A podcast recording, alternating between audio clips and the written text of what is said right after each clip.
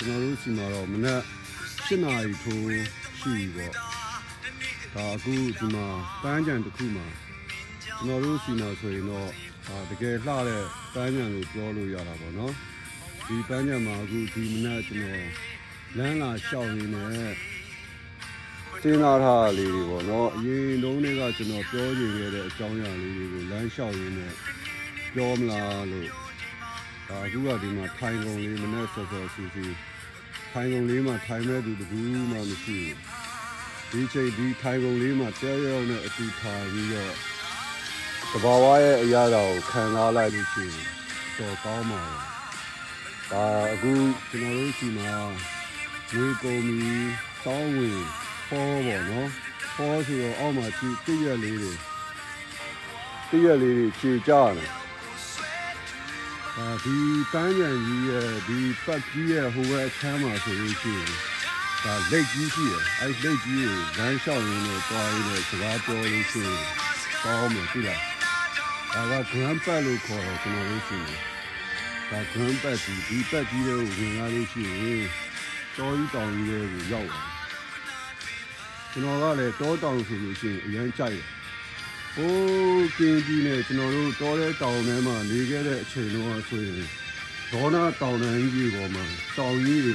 ဒီ9000 6000 9000မြင်းနဲ့တောင်ကြီးတွေပေါ်မှာသိလားအာကျွန်တော်တို့ကတောတဲ့တောင်ထဲမှာရောက်တဲ့တွင်လေတစ်ခါတလေကြာရင်အဲ့ဒီတောတဲ့တောင်ထဲထက်ကိုထောင်ကျတဲ့နေရာတွေကိုကျွန်တော်တို့တွေကဒါမှဒါဆန်းကြောင်းလေးဒီအောက်မှာဒါဆန်းကြောင်း အာအဲ့ဒီဟိုးလူမရောက်တဲ့ဒီကြောင်ညူကြောင်ကြားတောတွေတောင်တွေတဲကိုကျွန်တော်တို့တွေဒါရောက်တဲ့အခါကျရင်ဟိုးတောင်ကုန်းကဘာကြီးတွေပေါ်ကနေအောက်မှာဆန်းချောင်းတွေစီးစင်းနေတာဆန်းချောင်းကြီးကအကြီးကြီးရေကတမတန်ကြီးလင်းပြီးတော့တခါလေငားတွေငားကြီးအကြီးရွှေအောင်ငားတွေကူးနေတာဟောတွေ့ရပလား တွေ့နေရဟိုးတောင်ပေါ်ကနေတကယ်တောအုပ်တောင်ကြီးတွေဒီဒေါနာတောင်တန်းကြီးတွေပေါ်မှာအရန်လှကျွန်တော်အဲ့လိုတောတွေတောင်တွေတွေကိုအရန်ကိုနှစ်သက်တာဒါကြောင့်မလို့ဒီမှာဒီမနေ့ဒီမှာတောတွေတောင်တွေထဲမှာလမ်းလာလျှောက်လမ်းလာလျှောက်ပြီးတော့လေကောင်းလေတန်းလေးပါလေဒါယူပြီးတော့စကားလေးပါလေပြောမှာဟိုမှာနေအောင်နေအောင်ကမမထိုးဖြစ်ဘူးကွာ ဒီကောင်ကဟိုမှာဒီကောင်ကတစ်တော်အုပ်တယ်မပေါက်နိုင်ဘူးဖြစ်တယ်။ဒါတဘာဝအတိုင်းဒါသူတို့ထားလာပြီးတာကဒီတောတွေတောင်းနေတယ်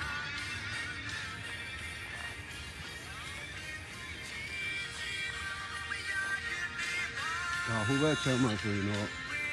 ဒီထွက်လောက်ပြီးတော့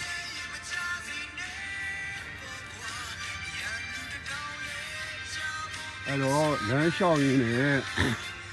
ကျွန်တော်တို့ဒီ ကျွန်တော်တို့မြန်မာပြည်သူလူထုတွေကျွန်တော်တို့အမျိုးသားရေးသမားတွေလည်း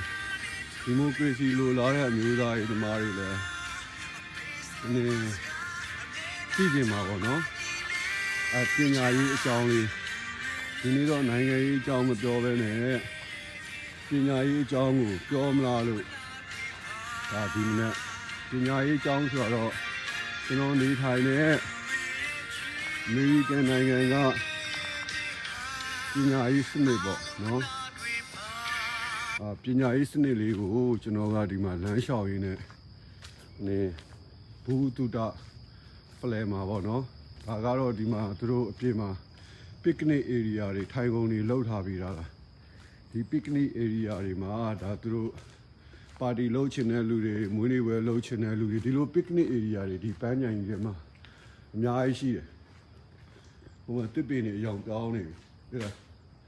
တပြည့်နေတာတဖြည်းဖြည်းနဲ့အယောင်ပြောင်းလာပြီးတော့ဒါနောက်ထပ်တစ်ပတ်ဆိုလို့ရှိရင်တပြည့်နေတာဝါကြတော့မယ်ဒီကတပြည့်နေတော်တော်များများဒါဟိုးဘက်မှာမြင်နေရတာဒါလက်တပြည့်နေရဟိုးဘက်ကိုရောက်သွားလို့ရှိလို့ရှိရင်အဲ့တော့ပညာရေးအကြောင်းလေးပေါ့နော်လမ်းလျှောက်ရင်းနဲ့ပြောကြတာပေါ့ အဲ့တော့ပညာရေးအကြောင်းဆိုတော့ကျွန်တော်တို့မြန်မာနိုင်ငံမှာကလည်းဒီဒီမိုကရေစီလိုလားတဲ့ liberal တွေကပညာရေးနဲ့ပတ်သက်လို့ရှိလို့ရှိရင်မြန်မာနိုင်ငံရဲ့ပညာရေးကဟုတ်လားအစိုးရရဲ့ဒီတုံးဆွဲမှုတွေကနော်ဟိုနေမလောက်ငှဘူးအစိုးရရဲ့တုံးဆွဲတဲ့ပညာရေးပေါ်မှာတုံးဆွဲတဲ့ဘတ်ဂျက်တွေကဘာမှမရှိဘူးအစိုးရက ပြည်သူလူထုကိုဟုတ်လားဒီပညာရေးနဲ့ပတ်သက်လို့နော်မတုံးဘူးအာစစ်ပွဲတွေအတွက်အာလက်နက်တွေလက်နက်တွေဝယ်ဖို့အတွက်ပဲပညာရေးကိုအသုံးပြုတယ်ဆိုတော့နော်ပညာရေးကိုအသုံးပြုတယ်ဆိုတဲ့စကားတွေအာတောင်းဆိုမှုတွေအမျိုးမျိုးကိုကျွန်တော်တို့တိုင်းပြည်မှာရှိတဲ့မြန်မာပြည်သူလူထုတွေဒါတိထားပြီးကြပြီးလောက်ပြီပေါ့နော်သူတို့ဒီပညာရေးနဲ့ပတ်သက်လို့ တိုင်းပြည်မှာပညာရေးကျန်းမာရေးနဲ့ပတ်သက်လို့မြန်မာအစိုးရစစ်အစိုးရကအသုံးမပြုဘူးเนาะဒီစစ်တိုင်းဖို့အတွက်ကိုယ်တိုင်းသားအချင်းချင်းတပ်ဖို့အတွက်လက်နက်တွေပဲဒါဟိုနေဝယ်နေတယ်เนาะပညာရေးအတွက်ကြတော့မသုံးဘူးကျန်းမာရေးအတွက်ကြတော့မသုံးဘူးဆိုတော့အပြစ်တင်ဝေဖန်တဲ့အနေနဲ့အထူးဟုတ်လားကျွန်တော်တို့တိုင်းပြည်ရဲ့ ကိုယ်နေလက်နက်ဝယ်ယူမှုတွေเนาะစူဆောင်းမှုတွေတိုင်းပြည်ရဲ့လိုအပ်ချက်အရเนาะစစ်တပ်ကိုအင်အားကောင်းအောင်လှုပ်ဆောင်မှုတွေကိုဝေဖန်အပြစ်တင်ပြီးတော့ဒါဟိုပညာရေးရပဲတကယ်ကိုပဲနိုင်ငံတစ်နိုင်ငံရဲ့ဟိုနေအရေးကြီးတဲ့ပုံစံတစ်မျိုးဟလာပြောဆိုကြဆန္ဒတွေပြကြတောင်းဆိုပွဲတွေလုပ်ကြတာဒါကျွန်တော်တို့ မြန်မာပြည်သူလူထုတွေအများအားဖြင့် တည်ထားပြီးကြမှာပါเนาะဒါတော့တည်ထားပြီးတော့အဲ့ဒါတွေတော့ထပ်ပြီးတော့မပြောတော့ဘူးပေါ့အဲ့တော့ကျွန်တော်တို့ဒီနောက်အုပ်စုကနေပြီးတော့ငွေပေးထောက်ပံ့ထားတဲ့တက်ကြွလှုပ်ရှားသူလို့ခေါ်တဲ့เนาะသူတွေရဲ့နောက်အုပ်စုကနေပြီးတော့ငွေကြေးထောက်ပံ့ပေးထားတဲ့ဒီသူတို့ကိုသူတို့ journalist လို့ဆိုပြီးတော့သတင်းသမားလို့ခံယူနေတဲ့ လူတွေသိရှိထားတဲ့ဒီ အမေရိကန်နိုင်ငံရဲ့ပညာရေးစနစ်နဲ့လူ့ဘဝကြီးအတွက်တကယ်အရေးကြီးတဲ့ဟာကဘာလဲဆိုတာကိုဒါအခုပြောဖို့အမေရိကန်နိုင်ငံရဲ့ပညာရေးစနစ်ကိုကျွန်တော်အပိုင်း၃ပိုင်းခွဲပြီးတော့ပြောမယ်ဟုတ်လားအဲ့ဒီအပိုင်း၃ပိုင်းမှာအဲ့ဒီအပိုင်း၃ပိုင်းနဲ့အစိုးရကနေပြီးတော့ပညာရေးကိုနေဘယ်လိုမျိုးပါဝင်ပတ်သက်နေတယ်အစိုးရကနေပြီးတော့ပညာရေးနဲ့ပတ်သက်လို့เนาะ ပတ်စံတွေဘယ်လိုသုံးဆွဲလဲဆိုတဲ့ဟာလေးကိုကျွန်တော်ပြောမှာပေါ့เนาะအဲ့တော့အမေရိကန်ရဲ့ပညာရေးမှာ ၃ပိုင်းရှိတယ်ပထမတစ်ပိုင်းကအခြေခံအခြေခံเนาะမင်းတို့ခေါ်အခြေခံပညာရေးလို့ခေါ်တယ်အခြေခံပညာရေးဆိုတာဒါဒီအောက်ကနေပြီးတော့ဆင်းသွားလို့ရှိလို့ရှိရင်ကျွန်တော်တို့လက်ကကန်းကြီးကိုရောက်အောင်လို့ဒီအောက်ကနေပြီးတော့ကျွန်တော်မဆင်းသွားခြင်းဒီဘက်ကနေတက်ပြီးတော့ရှောက်အဲ့တော့ ခြေခံပညာရေးရှိမယ်ခြေခံပညာရေးဆိုတာဒီငယ်တန်းဟလာ pre-K အာ pre-K ဟိုနေ့အသက်၄နှစ်လောက်ကနေစပြီးတော့เนาะဒီဟိုနေ့ high school စနတန်းပေါ့เนาะအာအဲ့ဒီအခြေခံပညာရေးဆိုတဲ့ပညာရေးရှိမယ်အဲ့ဒီအခြေခံပညာရေးပြီးသွားလို့ရှိရင်ကျွန်တော်တို့တိုင်းပြည်မှာဒီ GDI လိုမျိုးဟလာအရင်တော့ဆိုရင်စက်မှုလက်မှုเนาะဒီ ဒီဟိုနေတိတ်ပံကျောင်းလိုမျိုးဒီအသက်မွေးဝမ်းကျောင်းเนาะအသက်မွေးဝမ်းကျောင်းနဲ့အတက်ပညာကိုသင်ကြားတဲ့အာပညာရေးဆိုပြီးတော့เนาะဒီပညာရေးရှိမယ်အာပြီးတဲ့အခါကျလို့ရှိရင် higher education ဒါဟိုဘက်မှာလက်ကြီးဒီစည်းတဲ့နေကြားနေရเนาะအာပြီးတဲ့အခါကျရင် higher education ဆိုတဲ့ဒီအစိမ့်မြင့်ပညာရေးရှိတယ်အာဒီပညာရေးကတော့ဥပမာ ဟို ဒီပေါက်တွေကြာဒီပညာရေးကတော့ college ပညာရေးရယ်ဒီ university လို့ခေါ်တဲ့เนาะဒီပညာရေးပေါ့ higher education ကတော့အဲ့တော့ဒီ higher education မှာလည်းအဆင့်တွေเนาะနောက်တဲ့နှစ်ဆင့်တော့ထပ်ပြီးတော့ခွဲလို့ရသေးတယ်ရိုးရိုးကျွန်တော်တို့ကဒီ 4 year bachelor master လို့လောက်နေเนาะဒီ register nut တို့ပဲဖြစ်စေရိုးရိုး engineer ပဲဖြစ်စေဟုတ်လားဆရာဝန်ပဲဖြစ်စေ ဒီလိုအစိမ့်မြင့်ပညာတွေကိုသင်ကြားပေးတဲ့ပညာရေးတွေရှိတယ်လို့မျိုးဒါကတော့လက်ကြီးဒါဟိုနေ့ကကျွန်တော်ဒါဟိုဘက်မှာတောင်းတောင်းတော့မှာသွားပြနေတာဒါကတော့ဒါတိုင်းတယ်လေးကနေလို့ဒါကြည့်လို့ရတယ်ဒီလက်ကြီးကနော်အဲ့တော့ပညာရေးဆိုတဲ့အထဲမှာ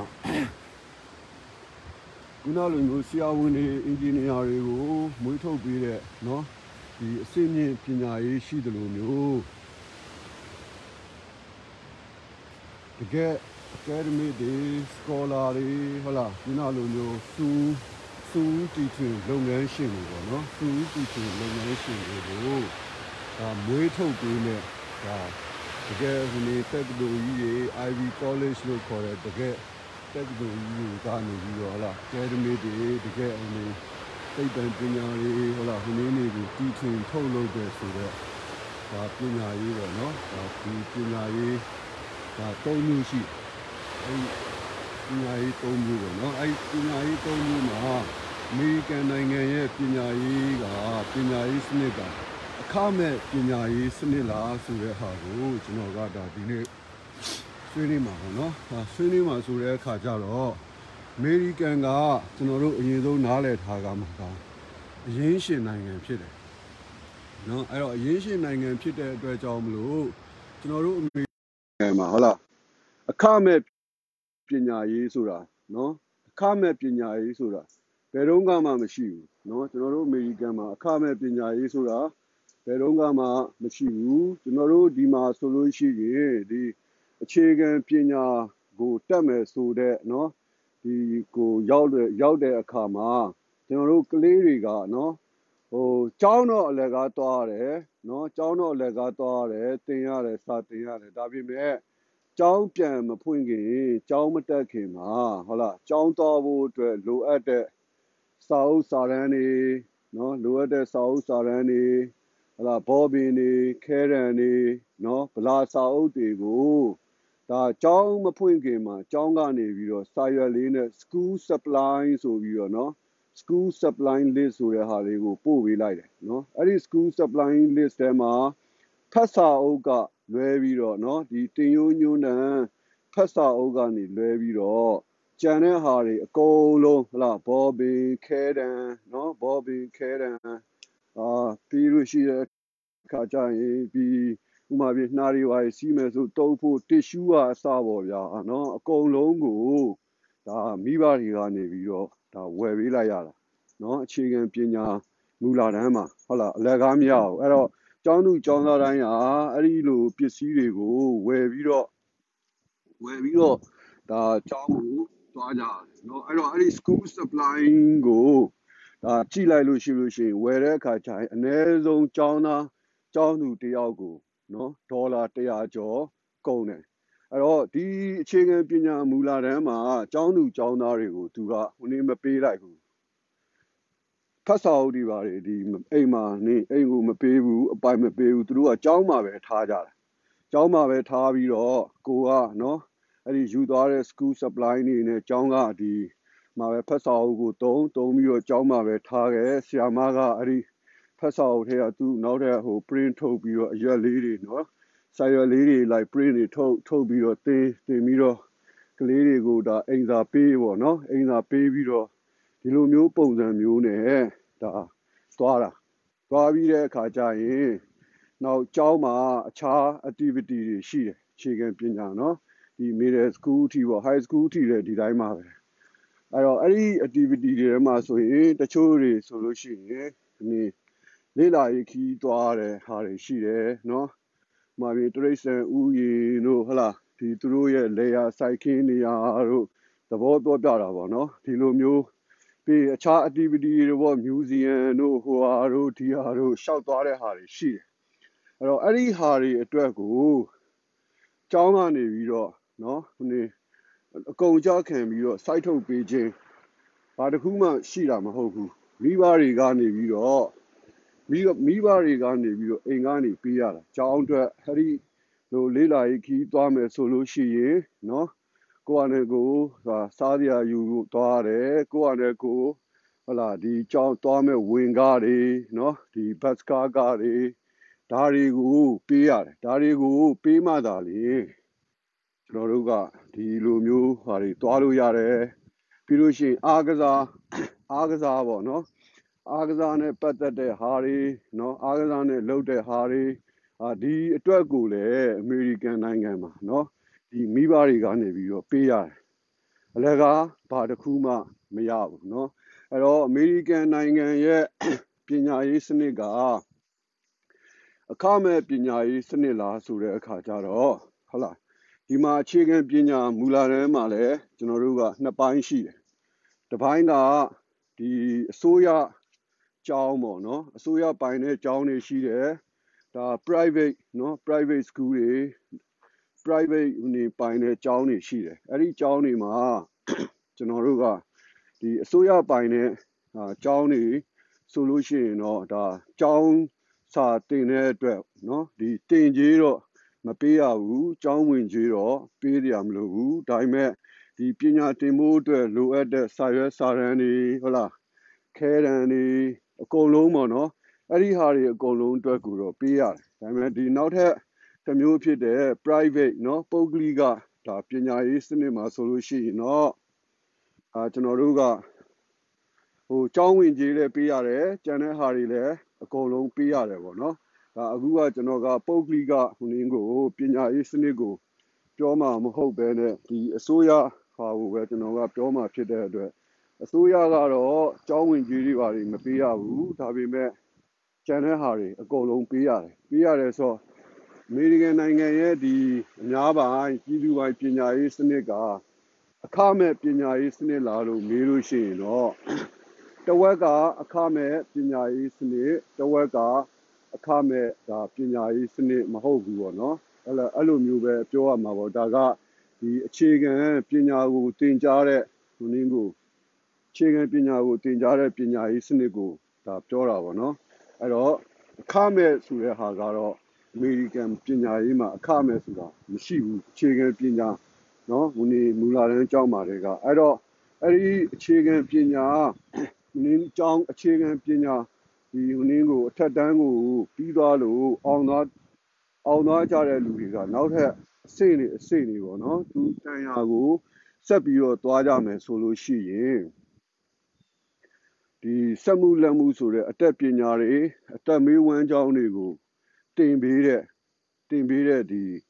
ဒီ technical college တွေရှိတယ်နော်အဲ့ college တွေကို community college လို့ခေါ်တယ်အဲ့ဒီ community college တွေကိုတွားရတဲ့လူတွေရှိမယ်ပြီးတဲ့အခါကျရင် university တွေဒီ4 year degree ရဖို့အတွက်နော်ပြီးဒီ engineer တွေဖြစ်ဖို့အတွက်ဟလာဒီ nurse တွေ register nurse တွေဆရာဝန်တွေ accountant တွေဟုတ်လားဒီလိုမျိုးတွေဖြစ်ဖို့အတွက်ဆိုလို့ရှိလို့ရှိရင်ကျွန်တော်တို့ကဟုတ်လား university သွားတဲ့လူတွေတက္ကသိုလ်သွားတဲ့လူတွေရှိမယ်ခုနလိုမျိုးအတက်မွေးအတက်မွေးဝမ်းကြောင်းเนาะဒီစက်မှုလက်မှုအတက်ပညာတွေသင်ပေးတဲ့အကြောင်းတွေကိုသွားတဲ့သူတွေရှိမယ်အဲ့သွားတဲ့သူတွေကိုရောက်လို့ရှိရင်အဲ့ဒီပညာရေးတွေကလုံးဝကိုအစိုးရပဲဖြစ်စေအများပိုင်းဒီဟိုနေပညာရေးပဲဖြစ်စေပုဂ္ဂလိကเนาะဒီပိုင်း ပညာရေးပဲဖြစ်စေအားလုံးကပတ်စံပေးရပြီအာပတ်စံပေးရပြီးတော့ပတ်စံပေးရမှတက်လို့ရတာပါနော်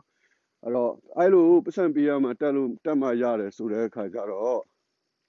ပတ်စံမရှိတဲ့အကြောင်းသူအကြောင်းသားတွေဒါစင်းရဲဒါနေနဲ့ဒီမိဘတွေရဲ့အကြောင်းသူအကြောင်းသားတွေဆိုလို့ရှိရင်သူ့ရဲ့ဒီဝင်ငွေပေါ့နော်ဝင်ငွေပေါ်မှာမူတည်ပြီးတော့အစိုးရကနေပြီးတော့ ဒီ grant တွေရှိတယ်အဲ့ဒါကိုဒီမှာဒီ Federal Pay Grant လို့ခေါ်တယ်နော်ဒါဒီဟိုနေပြည်တော်စုအစိုးရကနေပြီးတော့ပေးတဲ့ဒီဟိုနေမော့ငွေပေါ့နော်အဲ့ငွေထဲမှာနှစ်မျိုးရှိတယ်ဟိုနေကတစ်မျိုးကဒီအလက်ကားပေးတဲ့ဒီ tuition assistant နော်အလက်ကားပေးတဲ့ tuition assistant ကဒီမှာကအဲ့လိုမျိုးနေအထက်တန်းကျောင်းကိုပြီးသွားပြီဆိုလို့ရှိလို့ရှိရင် သူကနေဘာလို့ ਆ လဲဆိုတဲ့အခါကျတော့ဒီပညာရေးအတွက်ကိုပေါ့နော်ဘာလို့ ਆ လဲဆိုတဲ့အခါကျတော့အထက်တန်းကျောင်းပြီးသွားပြီဆိုလို့ရှိရင်ဒါငွေကိုပေးပြီးတော့ဒါဝယ်ပြီးတော့ပညာကိုတင်ကြားရတယ်ဆိုတော့တချို့ကြတော့အဲ့ဒီကျောင်းတွေကိုဆက်မသွားတော့ဘူးကိုယ့်အနေကိုပဲဒီအလုတ်ထွက်ပြီးတော့လှုပ်လိုက်ကြတာပေါ့နော်ဒါဒါကတော့တက္ကနာပေါ့ထားပေါ့ခုနကပြောတဲ့ဒီအစိုးရကနေပြီးတော့ဒီပတ်စံ ပေးတယ်ဆိုတဲ့နေရာမှာအလကားပေးတဲ့ tuition assistant ကြတော့သူကကျောင်းဝင်ကြီးတွေပေးမယ်စာအုပ်ဖိုးတွေပေးမယ်ကျောင်းဝင်ကြီးတော့ tuition ဘိုးပေါ့နော်ဒါ tuition ဘိုးတွေပေးတယ်အဲ့လိုမျိုးပေးတဲ့ဟာကသူ့ရဲ့ဝင်ငွေပေါ်မှာမူတည်ပြီးတော့တကယ်ဆင်းရဲတယ်ဆိုရင်သူတို့က free ရတယ်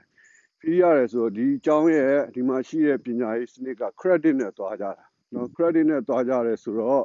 အမှားမြင်ကိုကဘာသာတရက် subject တရက်ကိုတချို့ဘာသာတွေကနေ3 credit နော်3 credit ရတယ်တချို့ဘာသာတွေက4 credit ရတယ်အဲ့တော့ကိုကဒီမှာ semester ဆိုတာနော်ဒီမှာတစ်နှစ်လုံးမှာ semester 3ခုရှိတယ် summer ကိုဖြုတ်လိုက်လို့ရှိရင် summer ကတော့ဒါကတော့နေမစာနေ credit များများထပ်ပြီးတော့ယူပြီးတော့ကျောင်းမြင့်မြင့်ပြီးကျင်တဲ့လူတွေတချို့ကိုကြားခဲ့တဲ့ဘာသာတွေအတွက်ပြန်ပြီးတော့ ဖြည့်ဆိုခြင်းတဲ့လူတွေကဒီ summer summer school ကိုသွားကြတာပေါ့နော် summer credit ကိုယူကြတယ်အဲ့တော့ဒီမှာက credit နဲ့သွားကြတယ်ဆိုတဲ့အခါကျတော့အစိုးရကနေပြီးတော့တစ်နှစ်ကို8000 9000လောက်နော်ကျူရှင်ဒီ assistant ပေးတယ်အဲ့ဒီ8000 9000ကကိုကဒီ semester တစ်ခုမှာ12 credit နော် credit 12ခုလောက်ကိုယူတော့မှသူကအဲ့ဒီဟာတွေကိုအလကားရတာနော် အဲ့တော့အဲ့ပစံတွေအကုန်လုံးကကျူရှင်ဘိုးရဲ့ဒါဟိုနေစာအုပ်စာတမ်းဘိုးရဲ့နဲ့ပဲ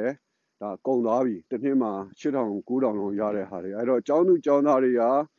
ကိုယ့်အတွက်နေရမယ်နော်ဒီအခန်းကားတွေအိမ်ကားတွေကိုယ့်အနေကိုရှာပြီးတော့ပေးရတယ်နော်ကိုယ့်အတွက်ဒီကုန်ကြမဲ့စားစရိတ်တွေဘာတွေညာတွေကြံတဲ့အသုံးစရိတ်တွေကို ကိုယ့်အနေကိုရှာရတယ်ဟလာအမေရိကန်မှာကြောင်းတက်လို့ဆိုပြီးတော့နော်ဟိုနေ food stamp ဒါခစ်တွေကွာတာပေါ့ဒီတိုင်းပြည်ရဲ့စီးပွားရေးအခြေအနေတိုင်းပြည်ရဲ့စီးပွားရေးအခြေအနေပေါ်မှာမူတည်ပြီးတော့တက်လာတဲ့သမရတွေနော်အသုံးစရိတ်တွေဘာဂျက်တွေပေါ်မှာမူတည်ပြီးတော့ဒါကွာပြီးတချို့ဒီလက်ထက်မှာဆိုလို့ရှိရင်ဒီကြောင်းတက်တဲ့ဒီကျောင်းသူကျောင်းသားတွေအလုံးမရှိတဲ့ကျောင်းသူကျောင်းသားတွေဟုတ်လား ကိုယ့်အတွက်ဒီနေစရိတ်စားစရိတ်ကိုကိုယ့်အနေနဲ့ကိုရှာရတယ်အစိုးရကအဲ့ဒီအတွက်ကို food stamp တို့ဟုတ်လားအခြားဒီ Medicaid တို့ဆိုတဲ့ကျန်းမာရေးဟိုနေဖြစ်မှုတွေမပေးဘူးเนาะပြီးဒီအိမ်တွေအခန်းတွေဘာတစ်ခုမှမပေးဘူးကိုယ့်အနေနဲ့ကို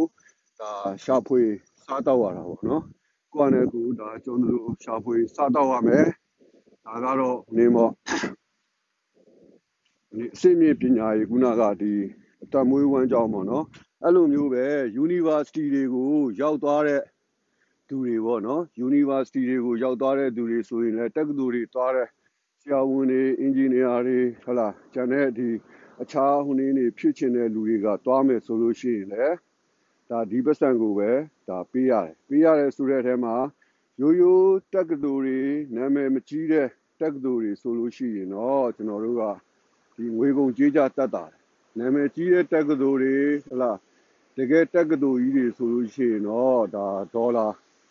သိန်းနဲ့ချီပြီးတော့ကုန်တာပေါ့နော်တစ်နှစ်တစ်နှစ်ကိုဒါအဲ့ဒီအတွက်ကိုကြတော့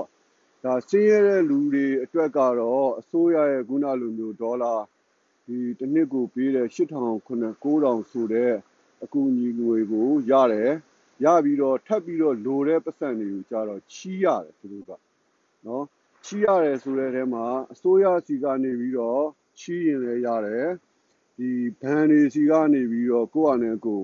direct ချီးရင်လည်းရတယ်နော်ချီးတာကတော့ဒါပုံစံအမျိုးမျိုးနဲ့ရှိတာပေါ့အဲ့တော့အစိုးရစီကနေပြီးတော့ချီးမယ်ဆိုလို့ရှိရင်နှစ်မျိုးရှိတယ်အဲ့ဒီ grant money ထဲမှာတစ်မျိုးကတော့ဒါရိုးရိုးဟိုစီးရဲသားတွေကိုပြောတာနော်တစ်မျိုးကတော့အတိုးမပေးရတဲ့ law နော်အတိုးမပေးရတဲ့ဒီ loan ရှိတယ်ငွေချေးယူမှုရှိတယ်နောက်ထပ်တစ်မျိုးကတော့ဒီအတိုးပြန်ပြီးတော့ ကြောင်းပြီးလို့ဟလာဘယ်နှလပေါ့နော်သူသတ်မှတ်ထားတဲ့3လ6လကြာသည်ပဲဖြစ်စေဟလာအလုံးရသည်ပဲအလုံးရတဲ့အချိန်မှာပဲဖြစ်စေနော်ပြန်ပြီးတော့ဆက်ကြတယ်အတိုးနဲ့ပေါင်းပြီးတော့နော်ဒါပြန်ပြီးတော့ဆက်ကြတယ်ဒီဒီလုံးဆိုတာရှိတယ်နော်အဲ့နှစ်မျိုးရှိတာပထမလုံးတစ်ခုကအတိုးမပေးရတဲ့လုံးဒုတိယလုံးကတော့အတိုးဒီပေးရတဲ့လုံးနော် အဲ့ဒီလုံးတစ်ခုရှိတယ်အဲ့ဒီစာရှိတယ်အဲ့ဒါကိုကျောင်းသူကျောင်းသားတွေကချီးပြီးတော့ဒါကျောင်းကိုတက်ကနော်ကျောင်းကိုတက်ကြတယ်အဲ့တော့အမေရိကန်ရဲ့ဒီပညာရေးစနစ်ကအခမဲ့ပညာရေးစနစ်လားဆိုတော့အမေရိကန်ရဲ့ပညာရေးစနစ်ကအခမဲ့ပညာရေးစနစ်မဟုတ်ဘူးဟိုဒီအခြေခံเนาะဒီပညာရေးကနေစပြီးတော့ဒီအစင်းမြင့် အာပညာရေးရောက်တဲ့အထိကိုเนาะအစင်းမြင့်ပညာရေးရောက်တဲ့အထိကိုကျွန်တော်တို့ကအခမဲ့ပညာရေးစနစ်ဆိုတာမရှိပါဘူးเนาะငွေပေးပြီးတော့မှဒီတင်ယူရတဲ့ပညာရေးပဲရှိပါတယ်အဲဒီအတွက်ကြောင့်မလို့ကိုတင်ကြားတဲ့ ပညာနော်ကိုသင်ကြားတဲ့ပညာကိုတက်တဲ့ဒီတက္ကသိုလ်ကျောင်းအပေါ်မှာမူတည်ပြီးတော့ငွေကုန်ကြမှုတွေကလည်း မတူဘူးဆိုတဲ့ဟာလေးကိုဒါကကျွန်တော်ပြောချင်တာပေါ့နော်မတူဘူးကြောင့်ဥမာပြင်ပြဒီမှာဆိုနာမည်ကြီးကျောင်းတွေရှိတယ်ဟုတ်လားဒီ Harvard တို့မျက်နှာပြဆိုလို့ဒီမှာမျက်နှာပြလိုက်ပြီနော်အခုမှဒါအဲ့ရထပြီးတော့ဟိုနည်းဖြစ်တဲ့မျက်နှာပြပြပြီးတော့ဒါအခုပြောနေတာအဲ့တော့အဲ့လိုပညာရေးမျိုးရှိတာပေါ့နော်ပညာရေးမျိုးရှိတယ်ဆိုတဲ့အခါကျတော့အမေရိကန်က လူတွေတော်တော်များများကဟုတ်လားအခြေခံပညာပြီးသွားပြီဆိုလို့ရှိလို့ရှိရင်အခြေခံပညာရေးစနစ်ပြီးသွားပြီဆိုရင်အမေရိကန်နိုင်ငံသားလူတွေတော်တော်များများကဒီရှေ့ဆက်ပြီးတော့ဒီအစိမ့်မြင့်ပညာရေးကိုသူတို့ကဒီမသွားကြတော့ဘူးမတက်ကြတော့ဘူးမတက်ကြတော့ဘဲနဲ့အလုံးလုံးကြတယ်။ဘာကြောင့်အလုံးလုံးကြလဲဆိုတော့သူတို့ရှင်းပြတာကကြောင်းသွားမယ်ဆိုလို့ရှိရင်လေနော်ကြောင်းပြီးလို့ရှိလို့ရှိရင် ဒါပတ်စံပြန်ဆက်ရမှာကဒေါ်လာဟုတ်လားတိန်းနဲ့ချီပြီးတော့ပြန်ပြီးတော့ဆက်ရိုးရိုးတက္ကသိုလ်ကျောင်းတွေလောက်ကိုသွားမယ်ဆိုလို့ရှိရင်တော့ဒါနင်းကဒေါ်လာနင်းကအများဆုံးကုန်6000ပေါ့နော်9000ဒီ community college တွေရိုးရိုးတက္ကသိုလ်တွေလောက်သွားမယ်ဆိုလို့ရှိရင်ဒေါ်လာ9000 6000လောက်ပဲဒါအကျွေးတင်တာပေါ့နော်8000လောက်ပဲဒါကိုကိုပေါ်မှာမူတည်တာပေါ့တကယ် ဒီလိုမျိုး Harvard တို့ Yale တို့ Columbia တို့ကိုသွားမယ်တကယ်ကျောင်းကြီးတွေဥပမာ University of Southern California တို့เนาะ Berkeley တို့တကယ်ကျောင်းကြီးတွေကိုသွားမယ်ဆိုလို့ရှိရင်ဒါဒေါ်လာသိန်းနဲ့ချီပြီးတော့ကုန်သုံးလေးသိန်းเนาะအဲ့တော့အဲ့လိုမျိုးပတ်စံတွေကိုဟလာဒီပြန်ပေးပေးရပြီးတော့ပြန်ရလာတော့လေဟလာဘလောက်မှမရဘူးဖြစ်တဲ့အတွက်ကြောင့်မလို့အမေရိကန်မှာရှိတဲ့လူတွေတော်တော်များများအကုန်လုံးကသူတို့က အဲ့လိုမျိုးတက္ကသိုလ်ပညာရေးအစီအမံပညာရေးကိုနော်ဟိုနေမသိတော့ပဲနဲ့တခါလဲကျောင်းပြီးတာနဲ့ high school ပြီးတာနဲ့သူတို့ကဒီပတ်စံပြီးကောင်းတဲ့ဒီ manufacturing ဟိုနေနေပေါ့နော် manufacturing အလုပ်တွေစက်ရုံအလုပ်ရုံဒီအလုပ်တွေကိုဝင်လုပ်ကြတယ်အဲဝင်လုပ်ကြတယ်ဆိုတဲ့အခါကျတော့သူတို့ရတဲ့ overtime ငွေသူတို့ရတဲ့ဒီဟိုနေလောကငွေနဲ့เนาะသူတို့ဒီစုဆောင်းတဲ့ 401k တွေဘာတွေနဲ့ဆိုလို့ရှိရင် ခုနကအစိမ့်မြင့်ပညာရေးကိုဒီသင်ကြားပြီးတော့မှเนาะဒီဟိုနေကျောင်းပြီးသွားတော့မှလုပ်ငန်းနဲ့ဝင်တဲ့လူတွေနဲ့သူတို့ကနှိုင်းရှင်တွက်ကြတာကသူတို့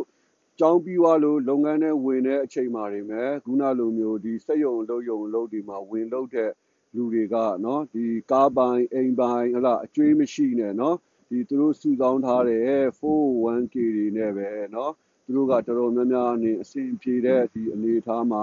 ရောက်တဲ့အတွက်ကြောင့်မလို့လူတော်တော်များများကသူတို့ကဒါဒီအစစ်မြင့်ပညာရေးတွေကိုဒါဆက်ပြီးတော့မတက်ကြဘူးပေါ့နော်မတက်ကြဘူးဆိုတာဒါကအမေရိကန်မှာရှိတဲ့ဒီပညာရေးအမေရိကန်နိုင်ငံရဲ့ပညာရေးဟာအခမဲ့ပညာရေးလားဆိုတဲ့ဟာလေးကိုဒါကျွန်တော်နေနေပြောပြရှင်းပြတာပေါ့နော်ရှင်းပြရင်လည်းအမေရိကန်အစိုးရရဲ့ဒီ သူ့ရဲ့နိုင်ငံမှာဟုတ်လားပညာရေးအတွက်သုံးတဲ့ငွေပေါ့နော်ပညာရေးအတွက်သုံးတဲ့ငွေအဲ့ဒီအတွက်ကိုနော်အစိုးရကတစ်နှစ်တစ်နှစ်မှာဘယ်လောက်ထိပညာရေးအတွက်သုံးလဲပေါ့နော်အဲ့တော့အမေရိကန်အစိုးရကသူတို့ဒီအမေရိကန်နိုင်ငံရဲ့ပညာရေးအတွက်ကိုသူတို့ GDP ပေါ့နော်သူတို့ရဲ့ GDP သူတို့အစိုးရရဲ့ revenue ဝင်ငွေရဲ့နော်နှစ်ရာခိုင်ထုံး 2ရာခိုင်နှုန်း3ရာခိုင်နှုန်းထက်เนาะဒီဟင်းကိုပိုတဲ့ဒီပတ်စံကိုဘာဂျက်ကိုဘယ်တော့မှမသုံးဘူးပညာရေးအတွက်เนาะအဲ့တော့အမေရိကန်နိုင်ငံရဲ့ဒီ GDP ရဲ့ဒီဒီဝင်ငွေရဲ့သုံးစွဲမှုเนาะသုံးစွဲမှုကိုကဏ္ဍလိုက်ကြည့်မယ်ဆိုလို့ရှိရင်အမေရိကန်နိုင်ငံဟာစစ်เนาะစစ်အတွက်စစ်တပ်အတွက်ကာကွယ်ရေးအတွက်ကိုသုံးတဲ့ဘာဂျက်ငွေက 49ရာခိုင်နှုန်းနော်49ရာခိုင်နှုန်း50ရာခိုင်နှုန်းပတ်ဝန်းကျင်နော်ပတ်ဝန်းကျင်ကြားမှာရှိတယ်အမေရိကန်နိုင်ငံရဲ့ဒီဒီအစိုးရဒီသုံးဆွဲမှုဦးနေနေတဲ့မှာနော်ဆိုလို့ရှိရင်ဒါပြောရလို့ရှိရင်စစ်တပ်အတွက်သုံးဆွဲမှုကအမေရိကန်နိုင်ငံရဲ့ဘာချက်မှာဒါအများဆုံးပဲနော်အာ40 45 49နော်အဲ့လောက်အထိကိုအမြဲတမ်းသူကရှိတယ်အဲ့တော့ ဒီပညာရေးကျန်းမာရေးနဲ့ပတ်သက်လို့အမေရိကန်အစိုးရရဲ့ရာသုံးဒါဘာဂျက်ငွေကိုကြည့်လိုက်မယ်ဆိုလို့ရှိရင်ကျန်းမာရေးဆိုလို့ရှိရင်လည်းအမေရိကန်အစိုးရကဒီ2% 3%เนาะ2% 3%ထက်ပိုပြီးတော့မသုံးဘူး အာပညာရေးဆိုလို့ရှိရင်လည်းဒီတိုင်းပဲ2%ဒီ3%အနေထက်ကိုပို့ပြီးတော့မသုံးဘူးအမေရိကန်နိုင်ငံရဲ့ဒီနေအစိုးရကနော် မသုံးဘူးဆိုတဲ့အခါကျတော့ကျွန်တော်တို့ဒီမြန်မာနိုင်ငံမှာဟုတ်လားဒီပညာရေးကျန်းမာရေးနဲ့ပတ်သက်ပြီးတော့ဟုတ်လားမှာကျွန်တော်တို့ဒီအနောက်အုပ်စုကနေမွေးထားတဲ့တက်ကြွလှုပ်ရှားသူတွေဟုတ်လားနိုင်ငံရေးလေးလာနေအကဲခတ်သူတွေတုံးသက်သူတွေကပြောနေကြတယ်ဗလားကျွန်တော်တို့မြန်မာအစိုးရကเนาะကျွန်တော်တို့မြန်မာအစိုးရက ဒီပညာရေးနဲ့ပတ်သက်လာလို့ရှိရင်တိုင်းပြည်ရဲ့ကျန်းမာရေးနဲ့ပတ်သက်လာလို့ရှိရင်ပတ်စံမသုံးဘူးเนาะစစ်တပ်အတွက်ပဲပတ်စံသုံးတယ်လက်နက်တွေဝယ်ဖို့အတွက်ပဲပတ်စံသုံးတယ်လို့ပြောနေကြတယ်မလားအဲ့ဒါတွေကကျွန်တော်ဟိုးအရင်တုန်းတည်းကเนาะဟိုရှင်းပြခြင်းနဲ့ပြောခြင်းနဲ့ဆိုရင်ပဲเนาะအနေချိန်ခါချိန်နေမပေးသေးတဲ့အတွက်ကြောင့်မလို့ဒါအခုမှပြောတာအဲ့တော့ဖွံ့ဖြိုးတိုးတက်ပြီးတိုင်းပြည်တွေမှာလည်းဟို ငြိမ်းချမ်းတဲ့တိုင်းပြည်တွေပေါ့ဗျာနယူးဇီလန်တို့နော်နော်ဝေတို့အာဒိမတ်တို့ဆွီဒင်တို့ကိုတော့မပြောဘူးပေါ့နော်ကျန်တဲ့ဒီဖွံ့ဖြိုးတိုးတက်ပြီးသားဖြစ်တဲ့ဟလာအမေရိကန်တို့လိုဗြိတိန်တို့လိုပြင်သစ်တို့လိုနော်တိုင်းပြည်မျိုးနဲ့နှိုင်းယှဉ်ကြည့်မယ်ဆိုလို့ရှိရင်အထူးသဖြင့်တော့အမေရိကန်ပေါ့နော်အာဒီလိုတိုင်းပြည်တွေမှာပညာရေးအတွက်ကိုသူက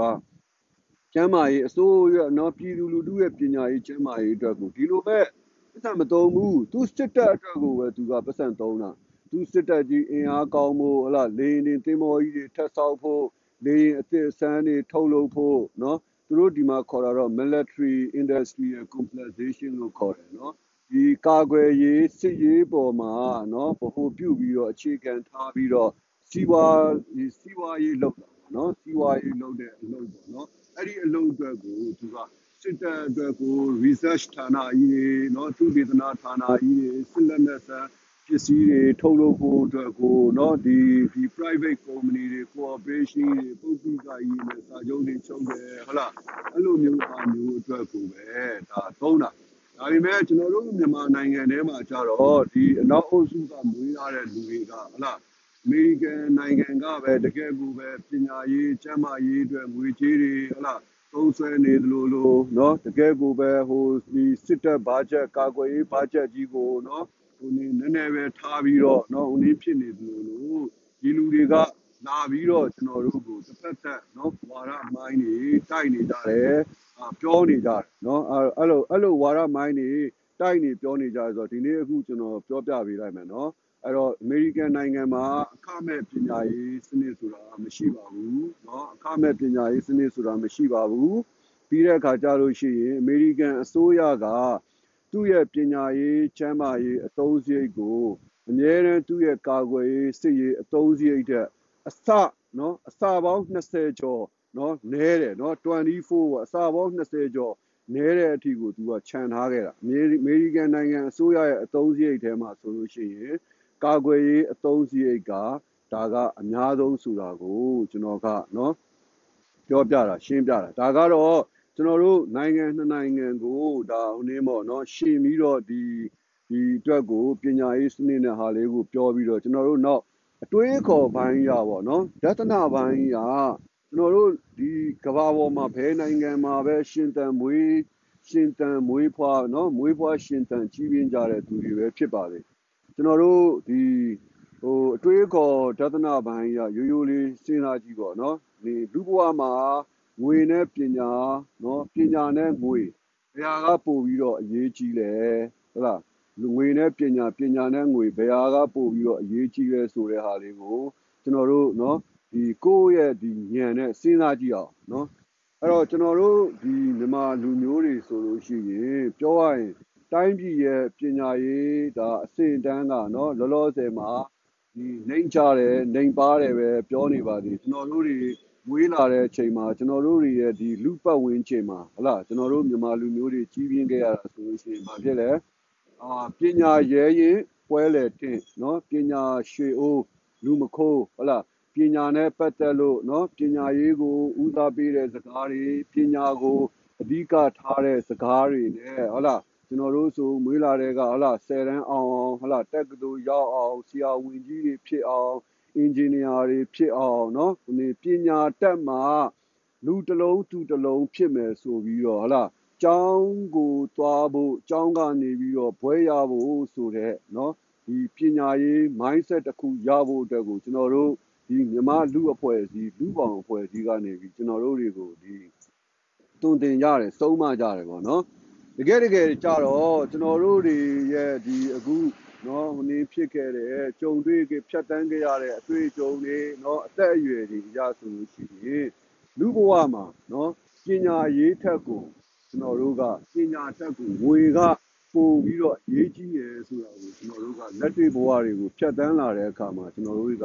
မြင်လာတယ်ကြုံလာတယ်ပြီးတဲ့အခါကျရင်အမေရိကန်နိုင်ငံကြီးဒီနေ့လိုဖွံ့ဖြိုးတိုးတက်နေတာက ကြီးပွားချမ်းသာနေတာကငွေကြောင့်လားအာပညာကြောင့်လားဟုတ်လားအမေရိကန်နိုင်ငံမှာအစိုးရနဲ့ပြည်သူလူထုကပညာရေးကိုဘယ်လိုအားပေးလဲမပေးဘူးလေเนาะဒါတွေကိုကျွန်တော်တို့ကလက်တွေ့သက်တမ်းမှုတွေစာရေးတွေနဲ့ကြုံတွေ့လာတဲ့အခါဒီရွယ်ရောက်တဲ့အခါကျတော့အော်လူဘဝမှာเนาะဒီပညာရေးထက်စာလို့ရှိရင်ငွေကြေးကပို့ပြီးတော့အရေးကြီးပါလားဆိုတာကိုကျွန်တော်တို့ကနားလည်သဘောပေါက်လာ နော်ငွေသာပညာထက်ကိုပိုပြီးတော့တန်ဖိုးကြီးတယ်နော်တကယ်တကယ်ကျတော့လူဘဝမှာလူဆိုတာငွေရှိမှနိုင်ငံတနိုင်ငံဆိုရင်လည်းဒီတိုင်းပဲလူဆိုရင်လည်းဒီတိုင်းပဲငွေရှိမှသာလေကျွန်တော်တို့ကကိစ္စအဝဝအရာရာရဲ့90ရာခိုင်နှုန်းကိုကျွန်တော်တို့ကလုပ်နိုင်တယ်ငွေမရှိဘဲနဲ့ကျွန်တော်တို့ကလူဘဝမှာနော်ဘာမှမလုပ်နိုင်ကြတာမဟုတ်ဘူးဒါကြောင့်မလို့လေအမေရိကန်မှာဆိုလို့ရှိရင် လူတွေကအစိုးရကပညာရေးစနစ်ကိုနော်အခြေခံပညာမှာသူကတင်ပေးလိုက်တဲ့ကနော်ဒီအခြေခံပညာ high school တက်တန်းကျောင်းပြီးသွားပြီဆိုတာနဲ့သူကကလေးတွေကိုလှုပ်လှုပ်တတ်အောင်လုပ်ငန်းခွင်နော်ဝင်လို့ရှိလို့ရှိရင်အစဉ်တစ်ဖြစ်ဖို့အတွက်လှုပ်လှုပ်နိုင်ဖို့အတွက်ကိုသူကသူ့ရဲ့အခြေခံပညာရေးကသင်ကြားပေးလိုက်တာအဲ့ဒါကဘာလဲဆိုတဲ့အခါကျတော့နော်ကျွန်တော်တို့နားလဲတယ်ကျွန်တော်တို့လူတွေအများစုနားလဲထားရမယ်ပညာရေးက ဟိုရေးတတ်ဖတ်တတ်နော်ပြောတတ်ဆိုတတ်ဆိုတဲ့ဟုတ်လားပညာရေးစာသင်ကျောင်းပညာရေးပေါ့နော်ခုနလိုမျိုးကိုယ့်ရဲ့အုံနှောင်းနဲ့ကိုယ့်ရဲ့အသိဉာဏ်နဲ့စဉ်းစားဆင်ခြင်ပြီးတော့ဆုံးဖြတ်နိုင်တဲ့ပညာကိုပြောနေတာမဟုတ်ဘူးအသိဉာဏ်ကိုပြောနေတာမဟုတ်ဘူးနော်အခုကဒီကျောင်းပညာရေးကိုပြောနေတာအဲ့တော့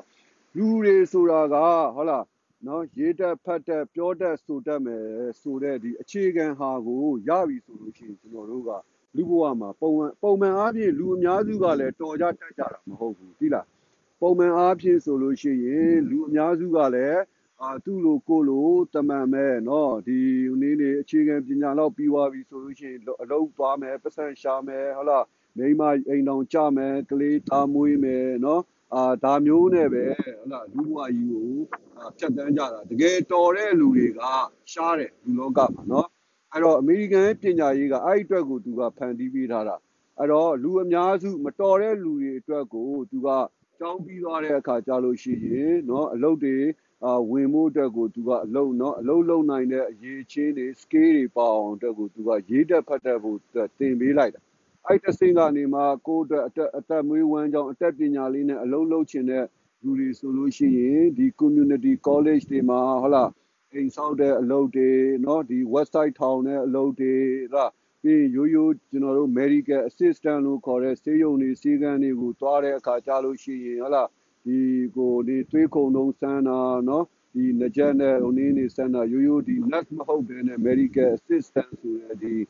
လူနာရဲ့ဒီ symptom တွေမှတ်တမ်းတွေကိုယူတဲ့နော် ဒီလိုအလုပ်မျိုးတွေအတွက်ကို community college တွေကနေတင်ကြားပြီးကြအဲ့အတွက်ကိုအမေရိကန်မှာ community college တွေကအများကြီးရှိတယ်နော်မြို့တစ်မြို့မှာ community college ကအနည်းဆုံး2ခုလောက်ရှိတယ်3ခုလောက်ရှိတယ်နော်အာကျွန်တော်တို့မေဝါကီမှာဆို community အဲ့လို community college တွေအစိုးရပိုင်း private ပိုင်း community college တွေအများကြီးရှိကြတာပေါ့နော်အဲ့လိုနေရာမျိုးတွေမှာသွားကြတယ်တချို့တွေကြတော့လဲအဲ့ဒီထဲမှာ တအားကြီးတော့မတော်ဘူးဒါပေမဲ့သူတို့ကဆရာဝန်ဖြစ်နိုင်လောက်တဲ့နော်ဒီအင်ဂျင်နီယာဖြစ်နိုင်လောက်တဲ့ဒီအရေးချင်းတွေရှိကြတဲ့လူတွေကြတော့တက္ကသိုလ်တွေသွားကြတယ်နော် university တွေသွားကြတယ်သွားပြီးတော့ manager တွေဟလာ manager တွေဖြစ်ဖို့ရှေ့နေတွေဖြစ်ဖို့เนาะ engineer တွေဖြစ်ဖို့ဆရာဝန်တွေဖြစ်ဖို့အတွက်ကိုသွားကြတာပေါ့เนาะအဲအဲ့ထဲမှာမှဒီ1%ပေါ့တကယ်တော်တဲ့တက်တဲ့လူတွေကြတော့မှသူက တကယ်အစိမ့်မြင့်ပညာရေးလို့ခေါ်တကယ်တက္ကသိုလ်ကြီးတွေနော်အဲ့တော်တဲ့တက်တဲ့လူတွေအတွက်ကိုအဲ့တက္ကသိုလ်ကြီးတွေကိုထားထားပေးတာအဲ့ဒါကတော့ဘလို့တက္ကသိုလ်ကြီးတွေလဲဆိုတော့ Harvard တို့ဟုတ်လားကိုလံဘီယာတို့အခုဒီ Northern Illinois Chicago University တို့ University of Southern California တို့အများကြီးပေါ့ဗျာနော်အဲ့လိုတက္ကသိုလ်ကြီးတွေကိုထားပြီးတော့ဒီ1%တွေအဲ့ဒီမှာသွားပြီးတော့ ပညာစည်းပူလို့ရအောင်เนาะအဲ့ဒီမှာသူတေသနာဌာနကြီးတွေအကြီးတွေနဲ့เนาะငွေကြေးအစိုးရရဲ့ဒီရန်ပုံငွေကောင်းကောင်းနဲ့เนาะအဲ့ဒီစာသင်ကျောင်းတွေမှာကျို Harvard တို့ပေါ့ဆိုပုဂ္ဂလိကတွေပေါ့เนาะသူတို့ဝင်ငွေနဲ့ဒါသူတေသနာဌာနကြီးတွေလောက်ကြမယ်အဲ့ဒီကိုရောက်သွားတဲ့လူတွေကအဲ့ဒီကျောင်းတွေမှာเนาะအဲ့ဒီကျောင်းတွေကသင်ပေးတဲ့ပညာကိုတွားပြီးတော့တင်ကြားဖို့ထက်ကိုเนาะအဲ့ဒီကျောင်းတွေကိုရောက်သွားကြတဲ့ကျောင်းသူကျောင်းသားမှန်သမျှက အဲ့ကျောင်းအတွက်ကိုတခုခုခြံထားခဲ့ဖို့အတွက်သွားကြတာအဲ့လိုမျိုးကျောင်းအတွက်ကိုတခုခုခြံထားပေးနိုင်မဲ့ကျောင်းသူကျောင်းသားတွေကိုပဲအဲ့ဒီ Ivy College လို့ခေါ်တဲ့ Harvard တို့ Columbia တို့ Yale တို့ဟုတ်လား Princeton တို့ဒီလိုဟာကြီးတွေကနေပြီးတော့လက်ခံကြတာเนาะအဲ့တော့လက်ခံကြရဲဆိုတဲ့နေရာမှာဒီ GPA ပေါ့เนาะကျွန်တော်တို့စီမှာဆိုလို့ရှိရင် GPA လို့ခေါ်တယ် high school ပြီးသွားလို့ရှိရင်အဲ့ဒီ GPA 4.0ပေါ့เนาะ 4.0ထက်ကိုကြော်ပြီးတော့လည်းရနေရမယ်အားကစားမှာလည်းအသင်းတင်နော်တော်ယုံထူးကြုံရမယ်ပြီးကျောင်းရဲ့ဒီကျောင်းကိုအထက်တန်းကျောင်းသားဖြစ်ခဲ့တဲ့ဘဝမှာကျောင်းရဲ့ activity တွေမှာဟလာဒီ student student ဒီ senior senior လိုဟာမျိုးတွေမှာပါဝင်ဆောင်ရွက်ခဲ့တာမျိုးတွေနော်ကိုရေးထားတဲ့ဒီ essay တွေ sound bar တွေကိုဒီ newspaper တွေမှာနော်ဒီဟိုနေပေါ်ပြ ပေါ်နေပေါ်ပြခဲ့တဲ့ဟာတွေပေါ်ပြခွင့်ရခဲ့တဲ့ဟာတွေဒီ volunteer လို့ခေါ်တယ်เนาะဒီလှူအားပေးဒီအလုပ်တွေဘာတွေလုပ်ခဲ့လဲဆိုတဲ့ဟာတွေကိုပါသူတို့ကကြည်တာအဲ့ဒီကြောင်းကြီးတွေအဲ့ဒီထဲကိုเนาะအဲ့ဒါတွေကိုကြည်တယ်ပြီးလို့ရှိရင်သူတို့ရဲ့ဒီ ACT လို့ခေါ်တဲ့เนาะသူတို့ရဲ့ဒီ ACT လို့ခေါ်တဲ့ဒီဒီ test ကိုလည်းเนาะဒီတက္ကသိုလ်ဝင်ခွင့်စာမိုးဝဲတွေကိုလည်းကျွန်တော်တို့ကပြန်ပြီးတော့เนาะအဲ့ဒီကျောင်းတွေမှာပြန်ပြီးတော့ဖြေကြရတယ်เนาะ အဲ့ဒီအဲ့ဒီအဲ့ဒီ ACT လို့ခေါ်တဲ့အဲ့ဒီတက္ကသိုလ်ဝင်ခွင့်စာမိုးဝဲတွေလည်းဖြေရတယ်အဲ့ဒီမှာလည်းအမှတ်ကောင်းရမယ်အာပြီးတဲ့အခါကျရင်ဒီ high school အထက်တန်းကျောင်းကိုအောင်တဲ့အခါမှာလည်း GPA ကဒီ4.0အထက်ကိုရရမယ်ကောင်းရမယ်အာပြီးရင်ကိုကျောင်းသားဘဝဖြစ်ခဲ့တဲ့အချိန်မှာ activity တွေပါဝင်ခဲ့တဲ့လှုပ်ရှားမှုတွေဆောင်ရွက်ခဲ့တဲ့ဟာတွေเนาะဒီလောအားပေးလိုက်ခဲ့တဲ့ဟာတွေဒါတွေလည်းရှိရမယ်เนาะ အဲ့ဒါတွေပြည့်စုံပြီးတဲ့အပြင်ကိုသူတို့ကကိုယ့်ကို essay ရေးခိုင်းတယ်เนาะသူတို့ကကိုယ့်ကို essay ရေးခိုင်းတယ်အဲ့ဒီ essay ထဲမှာဘာတွေရေးခိုင်းလဲဆိုရင်အဓိကအားဖြင့်တော့ကိုယ့်ရဲ့ idea နဲ့ imagination ပေါ့เนาะကိုကတကယ်လို့ရှင်းနေဖြစ်ချင်တယ်ဒါမှမဟုတ်လဲကိုကဒီ academic political scientist ဖြစ်ချင်တယ်ဒါမှမဟုတ်ကိုကပညာပညာရှင်ဖြစ်ချင်တယ်เนาะအဲ့လိုတစ်ခုခုပေါ့အဲ့လိုကိုယူမဲ့ဘာသာရပ်တဲ့တစ်ခုရင်းကိုယ့်ရဲ့အနာဂတ်ကိုယ့်ရဲ့ဒီ ကိုနင်းကိုကိုယ့်ရဲ့ idea ပေါ့နော်အနာဂတ်မှာဒီကြောင်းပြီးွားရင်ကိုဘာလုပ်ချင်လဲဘာဖြစ်ချင်လဲဘာလုပ်ဖို့စိတ်ကူးရှိလဲဆိုတဲ့ဟာဒီပါဝင်တဲ့ကိုယ့်ရဲ့အတွေးခေါ်ကိုယ့်ရဲ့ယုံကြည်ချက်နော်ကိုယ့်ရဲ့ရည်မှန်းချက်နဲ့လှုပ်ဆောင်မဲ့ plan တွေပါဝင်တဲ့အစေးတွေကိုသူတို့ကရေးခိုင်းတာနော်အဲ့တော့သူတို့ကခုနလိုမျိုးအမှတ်တွေကောင်းပြီးတော့နော်ပါဝင်လှုပ်ရှားခဲ့တဲ့ဟာတွေကောင်းပြီးတဲ့အပြင်ကိုခုနလိုအဲ့ဒီ essay တွေကိုဖတ်ကြည့်ပြီးတော့မှ သူတို့အဲ့ဒီအကြောင်းကနေပြီးတော့ဝင်ခွင့်เนาะပေးမပေးဆိုတာကိုသူတို့ကဝင်ခွင့်ပြုမပြုဆိုတာကိုဆုံးဖြတ်တာဆုံးဖြတ်တာတခုတည်းနဲ့တော်လို့မရဘူးเนาะအဲ့လိုမျိုး1%အတွက်ကြတော့သူတို့ကတော်တော်ကိုတင်းကျပ်တယ်เนาะအဲ့တော့အဲ့ဒီလိုမျိုးအရေးချင်းနေနဲ့ចောင်းသားကပြည့်စုံယုံနဲ့မရသေးဘူးចောင်းဝင်ဝင်ရသွားပြီဆိုရင်ပတ်စံလိုလာပြီအဲ့ဒီចောင်းတွေမှာတက်ဖို့အတွက်တစ်နှစ်တစ်နှစ်ကိုငွေဒေါ်လာသိန်းနဲ့ချီပြီးတော့ကုန်တာဟုတ်လားအဲ့တော့သိန်းနဲ့ချီပြီးတော့ကုန်တယ်ဆိုတဲ့အခါကျတော့ပတ်စံမရှိတဲ့ ဒီပတ်စံရှိတဲ့ကျောင်းသားတွေအတွက်ကတော့ပြဿနာမရှိဘူးပတ်စံမရှိတဲ့ကျောင်းသားတွေအတွက်ဆိုလို့ရှိရင်တော့ဒါအခက်အခဲဖြစ်တယ်ရေချင်းတော့ရှိပြီငွေတော့မရှိဘူးเนาะဒါပေမဲ့အမေရိကန်မှာတခုကောင်းတာကဘာလဲဆိုတဲ့အခါကျတော့အဲ့လိုမျိုးတကယ်တော်တဲ့တကယ်အရေးချင်းရှိတဲ့တကယ်တက်တဲ့ဒီကျောင်းသူကျောင်းသားတွေအတွက်ကြရင်တော့အမေရိကန်မှာဒီတက္ကသိုလ်ကြီးတွေကပေးတဲ့ scholarship တွေရှိတယ်เนาะ အဲ့ scholarship တွေအဲ့ဒီ scholarship တွေကြတော့သူကနော်ကျောင်းကနေပြီးတော့ပေါ်တာဖြစ်တဲ့အတွက်နော်စားစည်းိတ်နေစည်းိတ်ကျောင်းစည်းိတ်အားလုံးအပီးစီနော်အားလုံးအပီးစီကိုသူကဒီပတ်စံပေးတာပေးပြီးတော့အဲ့လိုစင်းရဲတယ်ဒါပေမဲ့တကယ်တော်တယ်တက်တယ်တကယ်ကျောင်းသူကျောင်းသားတွေကိုအမေရိကန်မှာအဲ့လို scholarship ပေးပြီးတော့နော်သူတို့ကျောင်းကိုတက်ခွင့်ရအောင်ကူညီပေးတဲ့နော်ဟာမျိုးတွေတော့ရှိတယ်နော်ကျန်တဲ့ဟာကတော့ ဒါ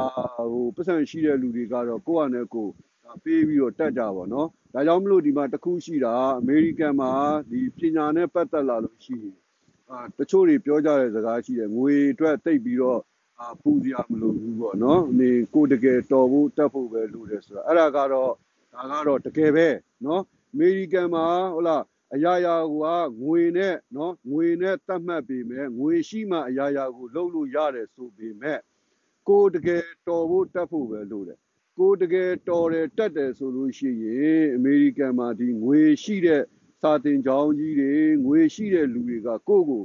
ရှာနေတာကိုယ့်ကိုသိရပလားပေးဖို့အတွက်ကိုကိုယ့်ကိုဒီပြုစုပြောထောင်ပေးဖို့ကိုယ့်ဘဝကိုမြေတောင်မြှောက်ပေးဖို့အတွက်ကိုသူတို့တွေကဒါရှာနေတာဖြစ်တဲ့အတွက်ကြောင့်မလို့တခါတလေကြားလို့ရှိရင်အမေရိကန်မှာငွေနဲ့အရာရာကိုเนาะပိုင်းခြားသတ်မှတ်တန်ဖိုးထားပေမဲ့ ကိုယ်တကယ်တော်ဖို့တက်ဖို့ပဲလိုပါတယ်ဆိုတဲ့เนาะအားလေးကလည်းရှိတယ်เนาะအဲ့တော့ကိုယ်တကယ်တော်မယ်တက်မယ်ဆိုလို့ရှိရင်ဒီလိုမျိုး Ivy College တို့ဆိုတဲ့ Harvard တို့ Columbia တို့ Yale တို့เนาะတကယ်ကျောင်းကြီးတွေကနေပြီးတော့ကိုယ့်ကိုကျောင်းအိမ်ကျောင်းသားကျောင်းအိမ်ကျောင်းသားခေါ်ပြီးတော့အာပညာသင်ယူခွင့်ပေးတာပေါ့နော်အဲ့လိုမျိုးပညာသင်ယူခွင့်နဲ့ဒီကျောင်းတက်ခဲ့ကြတဲ့နော် ဒီနေ့နေဒီထူးချွန်သွားကြတဲ့ academic တွေသိပ္ပံပညာရှင်တွေနော်ဒီစီးပွားရေးပညာရှင်တွေအမေရိကန်မှာအများကြီးရှိတယ်အများကြီးပေါ်ပေါက်ခဲ့တယ်နော်အဲ့တော့အဲ့တော့ဒီအမေရိကန်နဲ့ဒီပညာရေးနဲ့လူ့ဘဝရဲ့နော်လက်တွေ့အခြေအနေနဲ့အခုကျွန်တော်ရှင်းပြတာပေါ့နော်အဲ့တော့လူ့ဘဝမှာလက်တွေ့အားဖြင့်ဆိုလို့ရှိရင်လည်းဒီတိုင်းပါပဲနော်လက်တွေ့မှာလူတိုင်းအားလုံးကမတော်ကြဘူးလူတွေအားလုံးကအချိန်တန်လို့ရှိရင်နော်အခြေခံပညာအထက်တန်းကျောင်းလေးပြီးသွားရင် လူတိုင်းအားလုံးက session တွေကြော်ရင်အလုပ်လုပ်အလုပ်သွားကြရမယ်ကိုခြေတော့ပေါ်ကိုရက်တည်ကြရမယ်ကိုဘဝကိုကိုတူဆောင်ကြရမယ်ဒါကြောင့် तू ကအခြေခံပညာရေးကိုအဲ့လိုမျိုးလူများစုမတော်တဲ့လူအများစုအတွက်နော်ဒီအလုံးလောက်ကင်နိုင်ဖို့အတွက်ကိုသူ့ရဲ့အခြေခံပညာရေးကိုနော်သူ့ရဲ့အခြေခံပညာရေးကိုသူကအဲ့လိုတိဆောက်ထားပြီးတာအလုံးလုံးဖို့အတွက်အဲ့ဒါပြီးသွားတဲ့အခါကျတော့မှနော် နည်းနည်းခုနလိုအသက်မေးဝမ်းကြောင်းနဲ့အလုံးလုံးချင်တဲ့လူတွေအတွက် community college တွေကိုတိဆောက်ထားပြီးတယ်နော်ပြီးရင်နည်းနည်းလေးအဲ့ဒါပို့ပြီးတော့တော်တဲ့လူတွေဆရာဝန်တွေအင်ဂျင်နီယာတွေမန်နေဂျာတွေဖြစ်ချင်တဲ့လူတွေအတွက်ကိုတက္ကသိုလ်တွေရှိတယ်အဲ့ဒီတဲမှာမှနော်ဒီ1%အတွက်เนาะတကယ်အတော်ထဲမှာတကယ်အတော်ဆုံးလူတွေအတွက်ဆိုပြီးတော့သူတို့တက္ကသိုလ်ကြီးတွေတိဆောက်ထားပြီးတော့သူတို့ရဲ့ပညာရေးကိုအဲ့လိုမျိုးသူတို့ကတည်ထောင်ထားတာเนาะအဲ့တော့ အဲ့ဒီတည်ထောင်ထားတဲ့ပညာရေးစနစ်တိုင်းမှာအလကားမရဘူးအခမဲ့မရဘူးအားလုံးဟာငွေနဲ့ပဲเนาะအရာရာအားလုံးဟာ price တန်ဖိုးရှိတယ်ငွေကြေးရှိတယ်ဈေးသက်မှတ်ချက်ရှိတယ်ဆိုတဲ့เนาะစကားအတိုင်းပဲဘယ်တော့မှအလကားမပေးဘူးနော်အလက်ဘယ်တော့မှအလကားမပေးဘူးငွေနဲ့သတ်မှတ်တယ်တကယ်လို့ကိုကတကယ်တော်တယ်ဆိုလို့ရှိရင်တော့အကူအညီရတယ်ဒါပေမဲ့အဲ့ဒီတော်မှုကလည်းကိုကိုတိုင်းကစူးစမ်းအားထုတ်မှကိုကိုတိုင်းက ကိုယ့်ရဲ့ကြိုးပမ်းအားထုတ်မှုနဲ့စူးစမ်းအားထုတ်မှုအပေါ်မှာမူတည်ပြီးတော့ပဲရမယ်နော်အလက်ကားမရဘူးဒါကအမေရိကန်ရဲ့ပညာရေးစနစ်အဲ့တော့ကျွန်တော်တို့အခုဒီနားထောင်နေတဲ့ကျွန်တော်တို့ရဲ့ဒီပြည်သူတွေထဲမှာဆိုလို့ရှိရင်လည်းဒီအမေရိကန်နိုင်ငံသားဂျပန်လူမျိုးဟုတ်လားဒီ rich dad poor dad เนาะစာအုပ်ကိုဖတ်ဘူးမယ်ဗလားဒါကသူကအမေရိကန်နိုင်ငံမှာရှိတဲ့เนาะ ဒီနိုင်ငံရေးစနစ်စီးပွားရေးစနစ်ပညာရေးစနစ်လူမှုရေးစနစ်နဲ့ပတ်သက်ပြီးငွေရဲ့တန်ဖိုးနဲ့ပညာရဲ့တန်ဖိုးကိုသူကရှင်းပြထားတာအာရှင်းပြထားတယ်ဆိုတဲ့အခါကျတော့အဲ့စာအုပ်ကိုဖတ်ဘူးတဲ့သူတွေဆိုကြည့်မယ်ဟုတ်လားသူ့အဖေကိုယ်တိုင်ကဘာဖြစ်လဲဒါဟိုနေပညာတတ်တောင်းကြီးမှာဒါသူနေဘွဲရပြီးတော့เนาะကျောင်းဆရာလုပ်တဲ့လူပြီးဆရာဝန်တွေရှိမယ်เนาะအမျိုးမျိုးပေါ့เนาะအာအဲ့လိုပညာတွေတက်ဖို့အတွက်ကိုတခါတည်းစာတွေတင်ကြနော်ကျောင်းတွေသွားကြဟုတ်လားငွေတွေယူပြီးတော့ဟုတ်လား ဒီနေ့ကျောင်းတွေသွားပြီးတော့တခါတည်းအကျွေးတွေပြီးတယ်ပြီးလို့ရှိရင်ကျောင်းတွေပြီးတဲ့အခါမှာကိုတက်ထားတဲ့ပညာနဲ့ညီနာတဲ့နော်ဒီလူနေမှုအဆင့်တန်းနဲ့နေထိုင်နိုင်မှုအတွက်ကိုအိမ်တွေဝယ်ရတယ်ကားတွေဝယ်ရတယ်ဝယ်ပြီးတော့အလုပ်ကိုနေ့တိုင်းသွားနေရပြီးတော့ကိုရှာတဲ့ဟာနဲ့ကိုသုံးတဲ့ဟာနဲ့မလောက်မငှနဲ့ဒီလိုမျိုးဘဝကြီးလုံးပန်းပန်းသွားတယ်ဆိုတဲ့အကြောင်းကိုဒါ rich တဲ့ poor တဲ့ကသူ့ထဲမှာရှင်းပြထားပြီးတော့တကယ်တကယ်တမ်းကျတော့နော် ဒီအခြေခံပညာဆိုတဲ့ရေးတက်ဖတ်တတ်မယ်เนาะပြောတတ်ဆိုတတ်မယ်ဆိုလို့ရှိရင်เนาะအဲ့လောက်အဆင့်နဲ့ပဲကျင့်တတ်ပြီးတော့ငွေကိုတကယ်ရှာတဲ့လူเนาะဒီမှာကြီးကိုအနေအထက်တန်းကျောင်းပြီးပြီဆိုတာနဲ့ဟုတ်လား stock market ဒီမှာဘလို့ရင်းနှီးမြှုပ်နှံလဲဟုတ်လားအိမ်ရောင်းဝယ်လုပ်ငန်းတွေဘယ်လိုလုပ်လဲကိုယ်ပိုင်စီးပွားရေးလုပ်ငန်းတွေကို အာဘလို့တီထောင်ပြီးတော့ငွေရှာတဲ့လူတွေကခုနလိုမျိုးကြောင်းတက်ပြီးတော့ဟလာပညာတွေတက်ပြီးတော့ဘွဲတွေရပြီးတော့เนาะ ဒီလုပ်ငန်းကိုင်ငံနဲ့ဝင်တဲ့လူတွေရဲ့ဘဝနဲ့သူတို့ကနှိုင်းယှဉ်ပြတာအဲ့တော့ပညာတွေတက်ပြီးတော့သွားကြတဲ့အခါမှာနောက်ဆုံးကြတော့ဘာဖြစ်လဲကျွေးနုံနစ်ပြီးတော့ကျွေးနုံနစ်ပြီးတော့ဒီလိုမျိုးပဲเนาะဒီစင်းစင်းရဲရဲနဲ့ပဲရုန်းကန်ရတာပဲဒါပေမဲ့ခုနလိုစီးပွားရေးအလုပ်တွေလုပ်တယ်ကိုယ်အလုပ်တွေကိုလုပ်တယ်ငွေကိုပဲအာကြိုးပမ်းပြီးတော့ရှာဖွေတဲ့လူတွေကြတော့သူတို့ထက်ကိုဘာဖြစ်လဲပို့ပြီးတော့လွတ်လပ်တယ်အာသူတို့ထက်ကိုပို့ပြီးတော့လူဘဝမှာ ချမ်းချမ်းသာသာနဲ့အစဉ်ပြေပြေနဲ့နေလို့ရတယ်ဆိုတော့ဒီငွေငွေနဲ့ပညာမှာငွေကတန်ဖိုးရှိတယ်ဆိုတဲ့ဟာကိုဒါ rich dad ပူဝတ်တက်မှာဒါ rich dad ဒီပူဝတ်တက်เนาะဒီချမ်းသာတဲ့အဖေနဲ့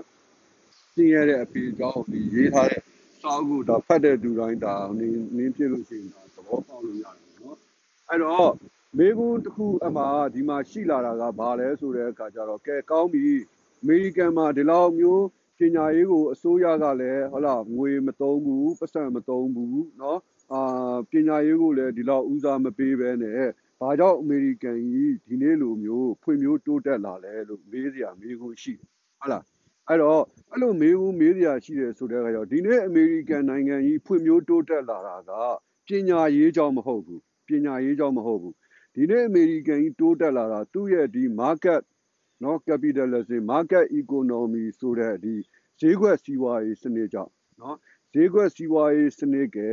အာပြီးစီးပွားရေးလွတ်လပ်ခွင့်ပေါ့နော်ဈေးကွက်စီးပွားရေးစနစ်ကြောင့်ရယ်အာပြီးတဲ့အခါကျရင်အမေရိကန်နိုင်ငံကိုဒါဟိုနေစတင်တီထောင်တယ်ဆိုတဲ့အခါကျတော့အမေရိကန်နိုင်ငံမှာဟုတ်လားမြေလို့မြေရိုင်းတွေဒါစီးပွားရေး opportunity တွေလုပ်ငန်းကိုင်ငံအခွင့်အလမ်းတွေက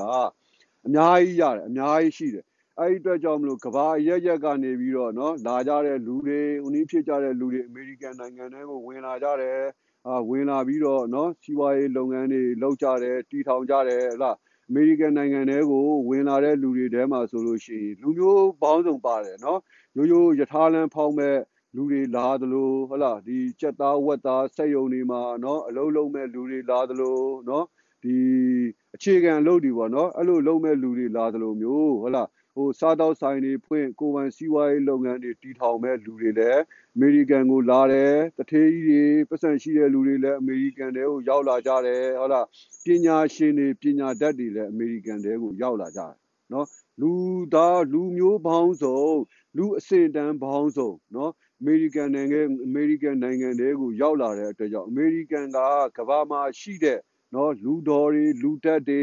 ကဘာမှာရှိတဲ့လုံအားအရင်းအမြစ်တွေကိုအမေရိကန်နိုင်ငံကြီးကပိုင်ဆိုင်ခွင့်ရသွားခဲ့တယ်နော်ပြီးတော့သူကနိုင်ငံသစ်ဖြစ်တဲ့အတွက်ကြောင့်မလို့နိုင်ငံသစ်လည်းဖြစ်တယ်အများအပြားလာတဲ့လူတွေကဒီဗြိတိန်တို့ပြင်သစ်တို့ဂျာမနီတို့နော်ဝေတို့ဟလာဒိန်းမတ်တို့ဒီလိုမျိုးစက်မှုဒီပညာတွေဖွံ့ဖြိုးတိုးတက်တဲ့နိုင်ငံတွေနိုင်ငံရေးအတွေးအခေါ်ယူဆသစ်တွေ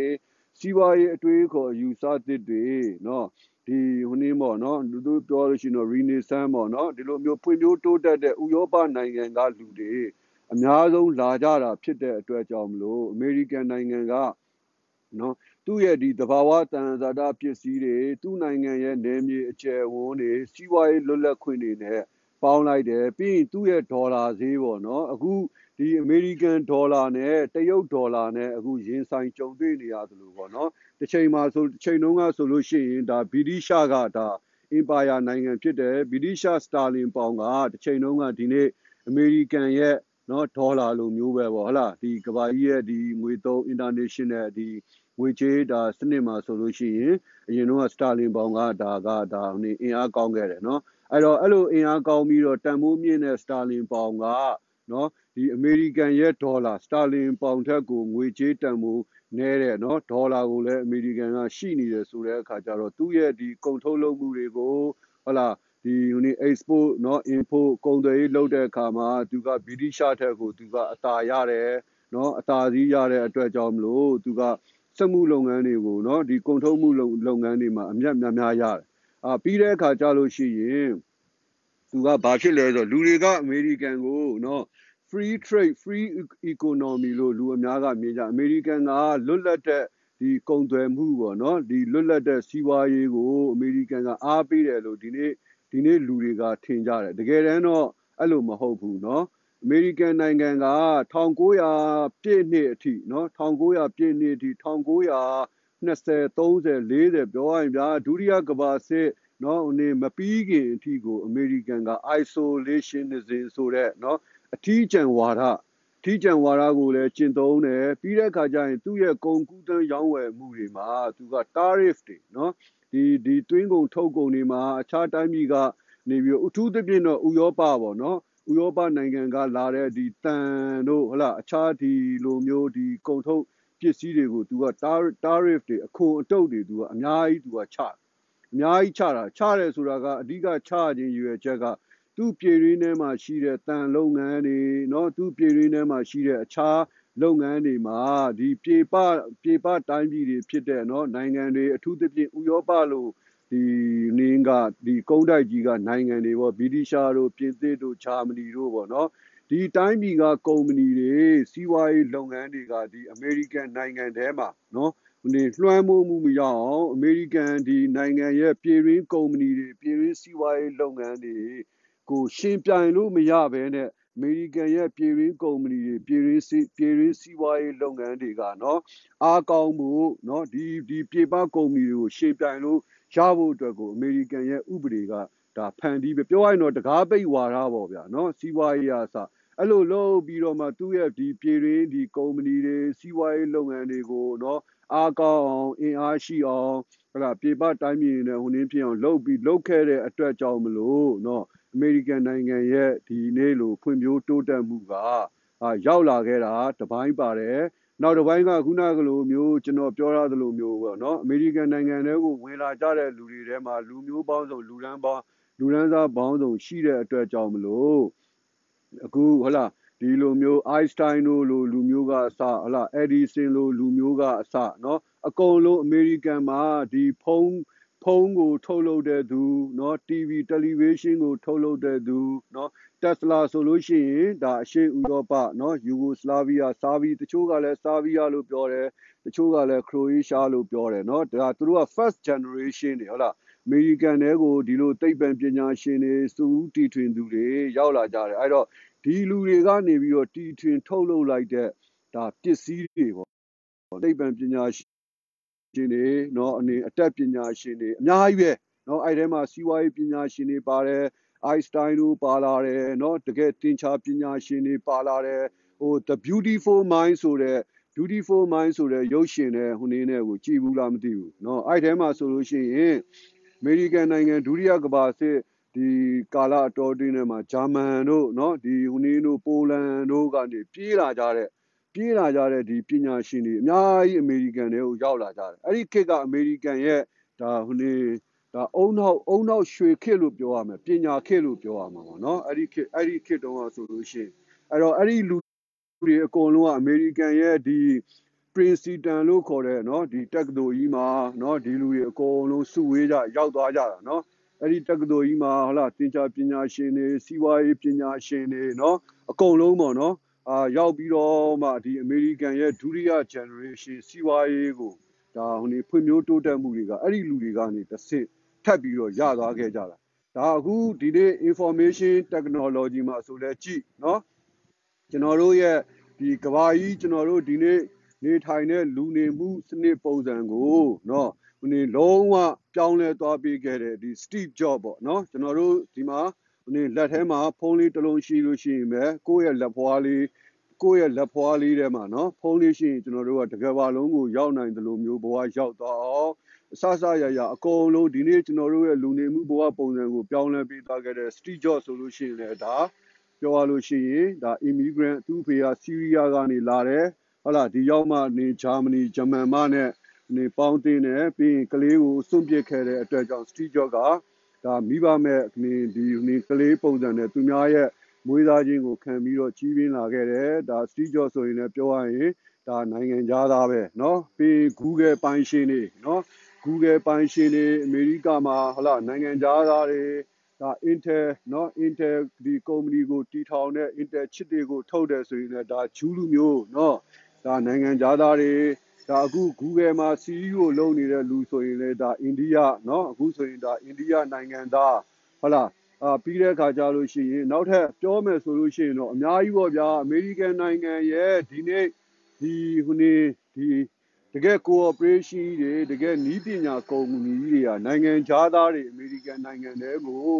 ရောက်လာပြီးတော့เนาะတီထွင်ထုတ်လုပ်လိုက်တဲ့တွေ့ရှိလိုက်တဲ့ဟုတ်လားဟိုနေနေဒီကုန်ပစ္စည်းတွေ နင်းတွေပဲဖြစ်ကြတယ်။ဤပညာတွေတွေးရှိချက်တွေပဲဖြစ်ကြတယ်နော်။အဲ့တော့အမေရိကန်နိုင်ငံရဲ့ဖွံ့ဖြိုးတိုးတက်ခြင်းကိုဒီပိုင်းကပြန်ပြီးတော့ကြည့်မယ်ဆိုလို့ရှိရင်သူကပညာရေးထက်ကိုသူကပညာရှိတဲ့လူတွေနော်ပညာရှိတဲ့လူတွေတော်တဲ့တက်တဲ့လူတွေကိုသူကငွေပေးပြီးတော့ဝယ်တာငွေပေးပြီးတော့ဝယ်တာအမေရိကန်နိုင်ငံကနော်ပညာပညာသူကသူကိုယ်တိုင်က သူ့နိုင်ငံသူနိုင်ငံသားတွေကိုနော်ဟိုလူတိုင်းအားလုံးပညာတတ်အောင်ဆိုတဲ့ပုံစံမျိုးမဟုတ်ဘဲနဲ့ငွေကိုပဲအဓိကထားပြီးတော့ရှာဖွေပြီးတော့ငွေအတွက်ကိုပဲလိုက်ပြီးတော့အဲ့ဒီငွေရလာတဲ့အခါကျတော့မှငွေနဲ့သူက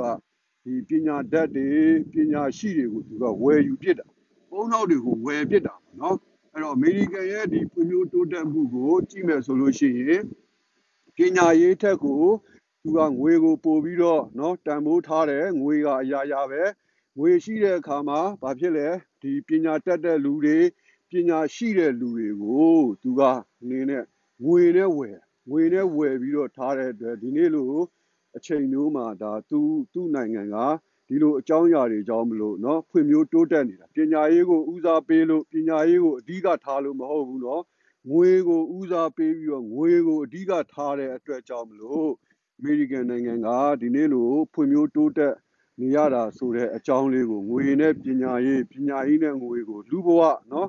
လူဘဝဒီတဘာဝဒီဟိုနေနေလေးပေါ့ဒီတဒနာလေးရောဒီအတွေ့အကြုံတွေရောနိုင်ငံရေးရောစီးပွားရေးရောဒါနှိုင်းရှင်ပြီးတော့ဒါကျွန်တော်ပြောပြလိုက်တာပေါ့နော်အဲ့တော့ညီကုန်းချုံအနေနဲ့ဆိုရင်ကျွန်တော်တို့ဒီ2010 ကျွန်တော်တို့တိုင်းပြည်မှာပြုပြင်ပြောင်းလဲရေးလုပ်ငန်းတွေလုပ်ကြတယ်ဆိုတဲ့အခါကျတော့နော်မှတ်မိကြမလားမသိဘူးဒီပြေပကပြန်ပြီးတော့နော်ဝင်လာကြတဲ့လူတွေရှိတယ်နော်အဲ့ဒီမှာနိုင်အောင်တို့ဘာတို့ထိတ်ဆုံးရပါတော့နိုင်အောင်စီယုံခဲ့တဲ့ဒီចောင်းသူចောင်းသားကလေးလေးတွေလူငယ်လေးတွေဘာမသိနာညာမသိလေးတွေကိုဟုတ်လားလမ်းပေါ်ကိုတခါတည်းထုတ်တင်ပြီးတော့တကယ်ပညာရေးရပဲတကယ်ဒီနေ့မှပဲပညာရှိမှပဲဟိုထမင်းစားလို့ရမယ်ပုံစံမျိုးเนาะ ဟိုပညာရေးအရေးကြီးကြောင်ပညာရေးအတွက်ဟိုနေ့ဖြစ်ဖို့အတွက်ဆိုလမ်းလျှောက်ချီတဲ့ဆန္ဒပြပွဲကြီးတွေပြီးတဲ့အခါကျလို့ရှိရင်မြန်မာနိုင်ငံမှာဟုတ်လားတိုင်းသားလူမျိုးတွေအများကြီးရှိတဲ့အတွက်ကြောင့်မလို့သူတက်ဆိုင်ရာပြည်နယ်တွေမှာဟုတ်လားဒီဒီเจ้าတွေရဲ့တင်ယိုးညွန်းနှန်းတွေစာတွေကိုเนาะကျောင်းတွေရဲ့တင်ယိုးညွန်းနှန်းတွေစာတွေကိုတက်ဆိုင်ရာတိုင်းရင်းသားဘာသာစကားတွေနဲ့တင်ကြားဖို့ဆိုတဲ့နော်ဟိုမဟုတ်မဟတ် ဒီမဖြစ်နိုင်တဲ့ဟာတွေနော်ဒီအမေရိကန်တို့လိုနိုင်ငံမျိုးတကယ်ဖွံ့ဖြိုးတိုးတက်ပြီးသားနိုင်ငံဒီလိုမျိုးမှာတော့မှပဲမလုံနိုင်တဲ့နော်ချမ်းလဲချမ်းသာတဲ့လုံနိုင်တဲ့အနေအထားရှိနေတဲ့ဒီလိုတိုင်းပြည်မျိုးတွေမှာတော့မှပဲဒီမလုံတဲ့ကိစ္စတွေကိုသူတို့ကမြန်မာနိုင်ငံလိုစင်းရဲမွဲတေပြီးတော့ချွတ်ချုံချနေတဲ့တိုင်းပြည်ကြီးမှာသူတို့က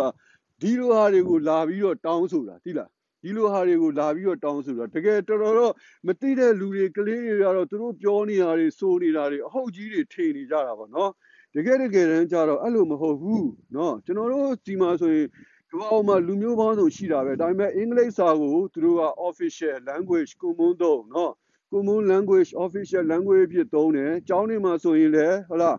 ဒီမှာဟိုကျွန်တော်တို့နေတဲ့ Wisconsin ပြည်နယ်ဆိုတာဂျာမန်တွေကအများဆုံးပဲနော်။ အာဂျမန်တွေကအများဆုံးဒါပေမဲ့ဂျမန်ဘာသာစကားနဲ့တင်ယွန်းညွန်းနဲ့လောက်တာမှမဟုတ်တာအင်္ဂလိပ်ဘာသာစကားနဲ့ပဲလောက်တာပဲ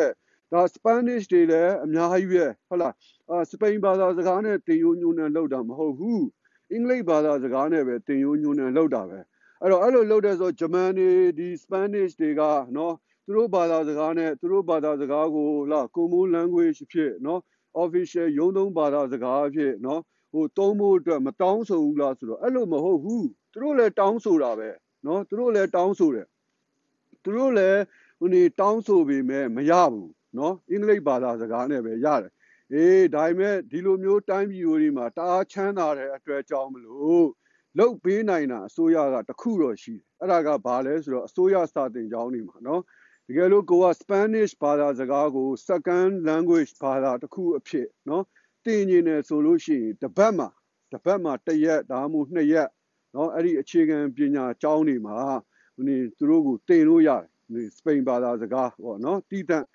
ပြင်သစ်ဘာသာစကားတချို့ကျောင်းတွေဆိုပြင်သစ်ဘာသာစကားဟုတ်လားအနေတင်နေတယ်ဆိုလို့ရှိရင် second language အဖြစ်နဲ့သူတို့ကိုတင်လို့ရတယ်ဒါပေမဲ့တင်ယိုးညိုးနှန်းဒီရုံသုံးဘာသာစကားတွေအားလုံးကတော့အင်္ဂလိပ်လိုပဲနော်အင်္ဂလိပ်လိုကြီးပဲအဲ့တော့အစိုးရကပတ်စံရှိတယ် ခုနလို1950 60 80မှာဖြစ်ခဲ့တဲ့ civil rights movement တွေအတွက်ကြောင့်မလို့နောက်ပိုင်းအမေရိကန်မှာအစိုးရရဲ့ဒီ funding အစိုးရထောက်ပံ့တဲ့ငွေရတဲ့နော်အဖွဲ့အစည်းမှန်သမျှအလုပ်မှန်သမျှကိုဟုတ်လားသက်ဆိုင်ရာဘာသာစကားတွေမကျွမ်းကျင်လို့ရှိလို့ရှိရင်အင်္ဂလိပ်ဘာသာစကားမကျွမ်းကျင်လို့ရှိရင်စေယုံစီကံသွားတာဖြစ်စေဟုတ်လားလူမှုဖူလုံထောက်ပံ့ရေးဒီဌာနတွေကိုသွားတာဖြစ်စေ ဘာသာပြန်တွေကိုနော်ခေါ်ယူအသုံးပြုခွင့်ပေးတယ်အဲ့အတွက်ကိုအစိုးရကနေပြီးတော့ပတ်စံချပေးတယ်ဟုတ်လားသူအဲ့ထုတ်တဲ့စာရွက်စာတမ်းတွေကိုဟုတ်လားဘာသာပြန်ထားတဲ့ဥပမာပြကိုကမြန်မာဆိုရင်မြန်မာလိုဘာသာပြန်ထားတဲ့စာရွက်စာတမ်းတွေရှိမယ်နော်အဲ့လိုမျိုးပေါ့နော်အဲ့လိုမျိုးလေးတွေစီစဉ်ပေးတာလေးတော့ရှိတယ်ဒါပေမဲ့သူ့ရဲ့ယုံသုံးဘာသာစကားတွေဟုတ်လားသူ့ရဲ့ဟိုနည်းနေအားလုံးအကုန်လုံးကတော့အင်္ဂလိပ်လိုပဲအင်္ဂလိပ်လိုပဲနော် ဒါပေမဲ့ကျွန်တော်တို့တိုင်းပြည်မှာလာပြီးတော့ဟုတ်လားဒီပြေပကနေပြီးတော့ NED တို့ဟုတ်လားအနောက်အုပ်စုကနေပြီးတော့ပတ်စံပေးတာပတ်စံယူထားတဲ့ဒီတိုင်းပြည်ရဲ့ဒီလောက်ကောင်တစ်ဆက်ပေါက်တွေကြတော့သူတို့ကတကယ်ကိုပဲဟုတ်လားမြန်မာနိုင်ငံမှာစာတင်ကျောင်းတွေမှာနော်ဟာတင်ယိုးညှိုးနှံတွေကိုတက်ဆိုင်ရာပြည်နယ်တွေစိုင်းတီးပြီးတော့တခါတည်းမြောက်ပေးကြတာမြောက်ပေးကြတာတင်ဖို့အတွက်ကိုနော်တကယ်တကယ်တမ်းဖြစ်နိုင်လားစဉ်းစားကြည့်ကျွန်တော်တို့မြန်မာနိုင်ငံမျိုးမှာ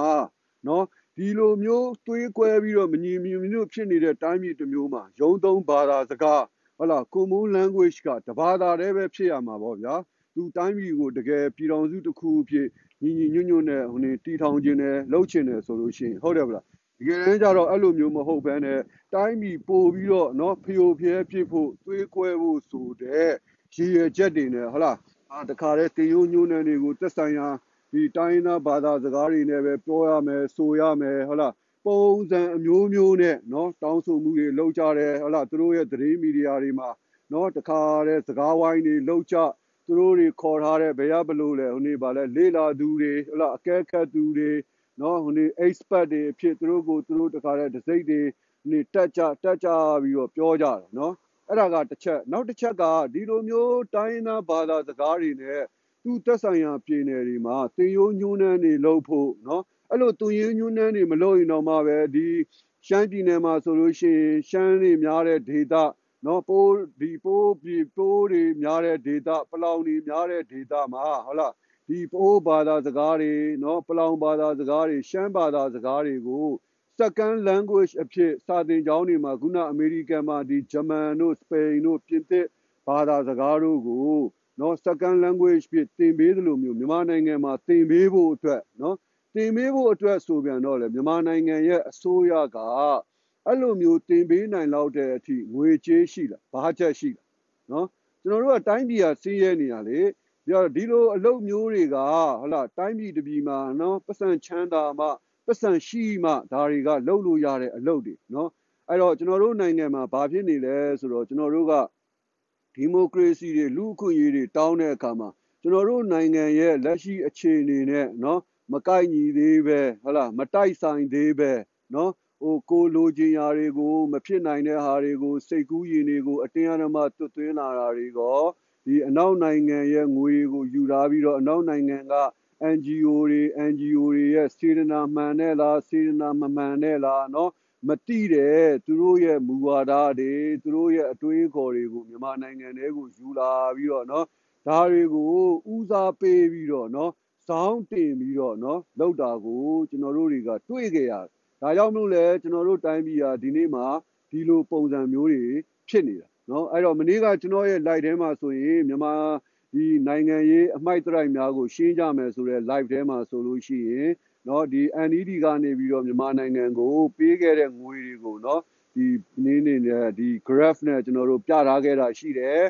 အဲ့ဒီမှာဆိုလို့ရှိရင်ဟုတ်လားလူအခွင့်အရေးအတွက်ဆိုဟုတ်လားမီလီယံကျော်နော်ဒီ journalist တွေဒီသတင်းမီဒီယာလောကအတွက်ဆိုမီလီယံကျော်အဲ့လိုမျိုးတွေပေါ့ဗျာကူညီထောက်ပံ့မှုတွေကိုကျွန်တော်တို့တွေ့တယ်နော်ဒါပေမဲ့တကယ်တကယ်တမ်းကျွန်တော်တို့မြန်မာနိုင်ငံကျွန်တော်တို့တိုင်းပြည်မှာလိုနေတာအဲ့ဒါတွေမဟုတ်ဘူး ကျွန်တော်တို့တိုင်းပြည်မှာလူဘဝရဲ့ဒီနေ့စဉ်လူနေမှုဘဝရဲ့အခြေခံလိုအပ်ချက်တွေဖြစ်တဲ့တောက်သုံးရေတန်းတွေဟုတ်လားရေသွားရေလာကောင်းမှုနဲ့ရေမြောင်းတွေเนาะကျွန်တော်တို့ဥမာလမ်းတွေရန်ကုန်မြို့ကြီးဆိုကားတွေကျက်နေတယ်เนาะဒီ traffic နဲ့ပတ်သက်တဲ့ကားဒီရေမောင်းစီကံတွေကားလမ်းတွေဒါတွေနဲ့ပတ်သက်တဲ့ဤပညာတွေစီကံတွေနော်ဒါတွေကိုထိန်းချုပ်ဖို့အတွက်လိုအပ်တဲ့ ရုပ်ဝတ္ထုပစ္စည်းတွေနော်လက်တွေ့ကျွန်တော်တို့နေ့စဉ်မြန်မာပြည်သူလူထုတွေလက်တွေ့ဘဝမှာအကျိုးခံစားရမယ်နော်လက်တွေ့ဒီပြဿနာတွေနေ့စဉ်ကြုံတွေ့နေရတဲ့ပြဿနာတွေကိုဖြေရှင်းရမယ့်နေရာတွေမှာကြတော့ဒီ INGO တွေ NGO တွေဒီအမေရိကန်အစိုးရကနော်ပတ်စံတစ်ပြားမှထည့်ဝင်ထားတာမတွေ့ရဘူးเนาะမရှိဘူးအဲ့တော့ဒီကျွန်တော်တို့မြန်မာနိုင်ငံမှာဒီနေ့လက်ရှိအနောက်အုပ်စုနဲ့အနောက်အုပ်စုကဖွဲ့စည်းထားတဲ့ INGO တွေ NGO တွေပေးနေတဲ့အကူအညီငွေတွေပတ်စံတွေဆိုတာကျွန်တော်တို့တိုင်းပြည်မှာရှိတဲ့မြန်မာပြည်သူလူထုတွေနော်အချင်းချင်းစကားများအောင်အချင်းချင်းရန်ဖြစ်နေအောင်နော်ကျွန်တော်တို့နိုင်ငံကျွန်တော်တို့တိုင်းပြည်ရဲ့လက်ရှိအခြေအနေအချိန်ကာနဲ့လိုက်ရောညီထွေမှုမရှိတဲ့နော်မတင်တင်တဲ့ဟာတွေကိုယူလာပြီးကျွန်တော်တို့တိုင်းပြည်ပြိုကွဲပျက်စီးဖို့အတွက်ကိုမီးထိုးပေးနေတဲ့အောက်ဆီဂျင်ထမ်းပေးနေတဲ့နော် အလုပ်တွေပဲလို့ဒါကျွန်တော်ကတော့ဒါယူဆတယ်เนาะအဲ့တော့ကျွန်တော်ရဲ့ဒီဒီမိုကရေစီလိုလားတဲ့အမျိုးသားရေးအင်အားစုတွေကတော့ဘယ်လိုယူဆလဲမသိဘူးเนาะအဲ့တော့ဒီနေ့ရဲ့ကျွန်တော်ရဲ့ live လေးကိုဒါလေးနဲ့ပဲကျွန်တော်ညီကုန်းချုပ်ပါပဲเนาะအဲ့တော့အမေရိကန်ရဲ့နိုင်ငံမှာအမေရိကန်ရဲ့ပညာရေးစနစ်ကအခမဲ့မဟုတ်ပါဘူးအားလုံးကငွေနဲ့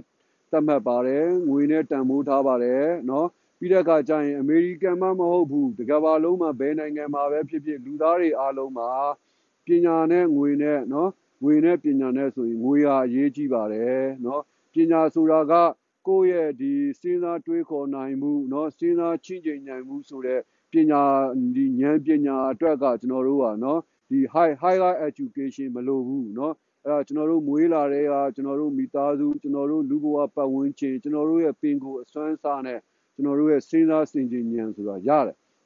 ဒါပေမဲ့အလောက်ကိုင်းနေဟိုနည်းနေအတွက်ဆိုလို့ရှိရင်တော့ အခြေခံပညာနော်ရေးတတ်ဖတ်တတ်ပြောတတ်မယ်ဆိုနားလည်မယ်ဆိုလို့ရှိရင်လုံလောက်ပြီနော်အဲ့တော့ငွေရအရေးကြီးတယ်ငွေကိုရှားမယ်နော်တိုင်းပြည်တစ်ပြည်မှာပဲဖြစ်စေမိသားစုတစ်စုမှာပဲဖြစ်စေပညာနဲ့ငွေနဲ့ဆိုရင်ငွေရအရေးကြီးတယ်နော်ငွေရှိမှတင့်တယ်တယ်ငွေကသာနော်100ရာ100မှာ90ရာခိုင်နှုန်းကိုအဆုံးဖြတ်ပေးတာဖြစ်တဲ့အတွက်ကြောင့်မလို့ ကျွန်တော်တို့မြန်မာနိုင်ငံမှာရှိတဲ့နိုင်ငံသူနိုင်ငံသားတွေလည်းအယိုးဆွဲနေတယ်နော်ဒီပညာရဲရင်ပွဲလေတင်းတို့ဟလားပညာရွှေအိုးလူမခိုးတို့ဆိုတဲ့ဒီလမ်းဟောင်းကြီးတွေကိုစွန့်ထားခဲ့ပြီးတော့နော်ငွေကိုရှာကြပါငွေကိုသိမ်းဆည်းကြပါစုဆောင်းကြပါချမ်းသာအောင်လုပ်ကြပါနော်အဲ့တော့ချမ်းသာမှလူရဝင်မယ်ငွေရှိမှလူရဝင်မယ်ဆိုတာကိုကျွန်တော်တို့ကဘဝလက်တွေ့အတွေ့အကြုံတွေစာရေးအတွေ့အကြုံတွေနဲ့ ရခဲ့တဲ့အတွက်ကြောင့်မလို့ဒါကျွန်တော်တို့ရဲ့အတွေ့အကြုံလေးတွေကိုပြန်ပြီးတော့မျှဝေပေးလိုက်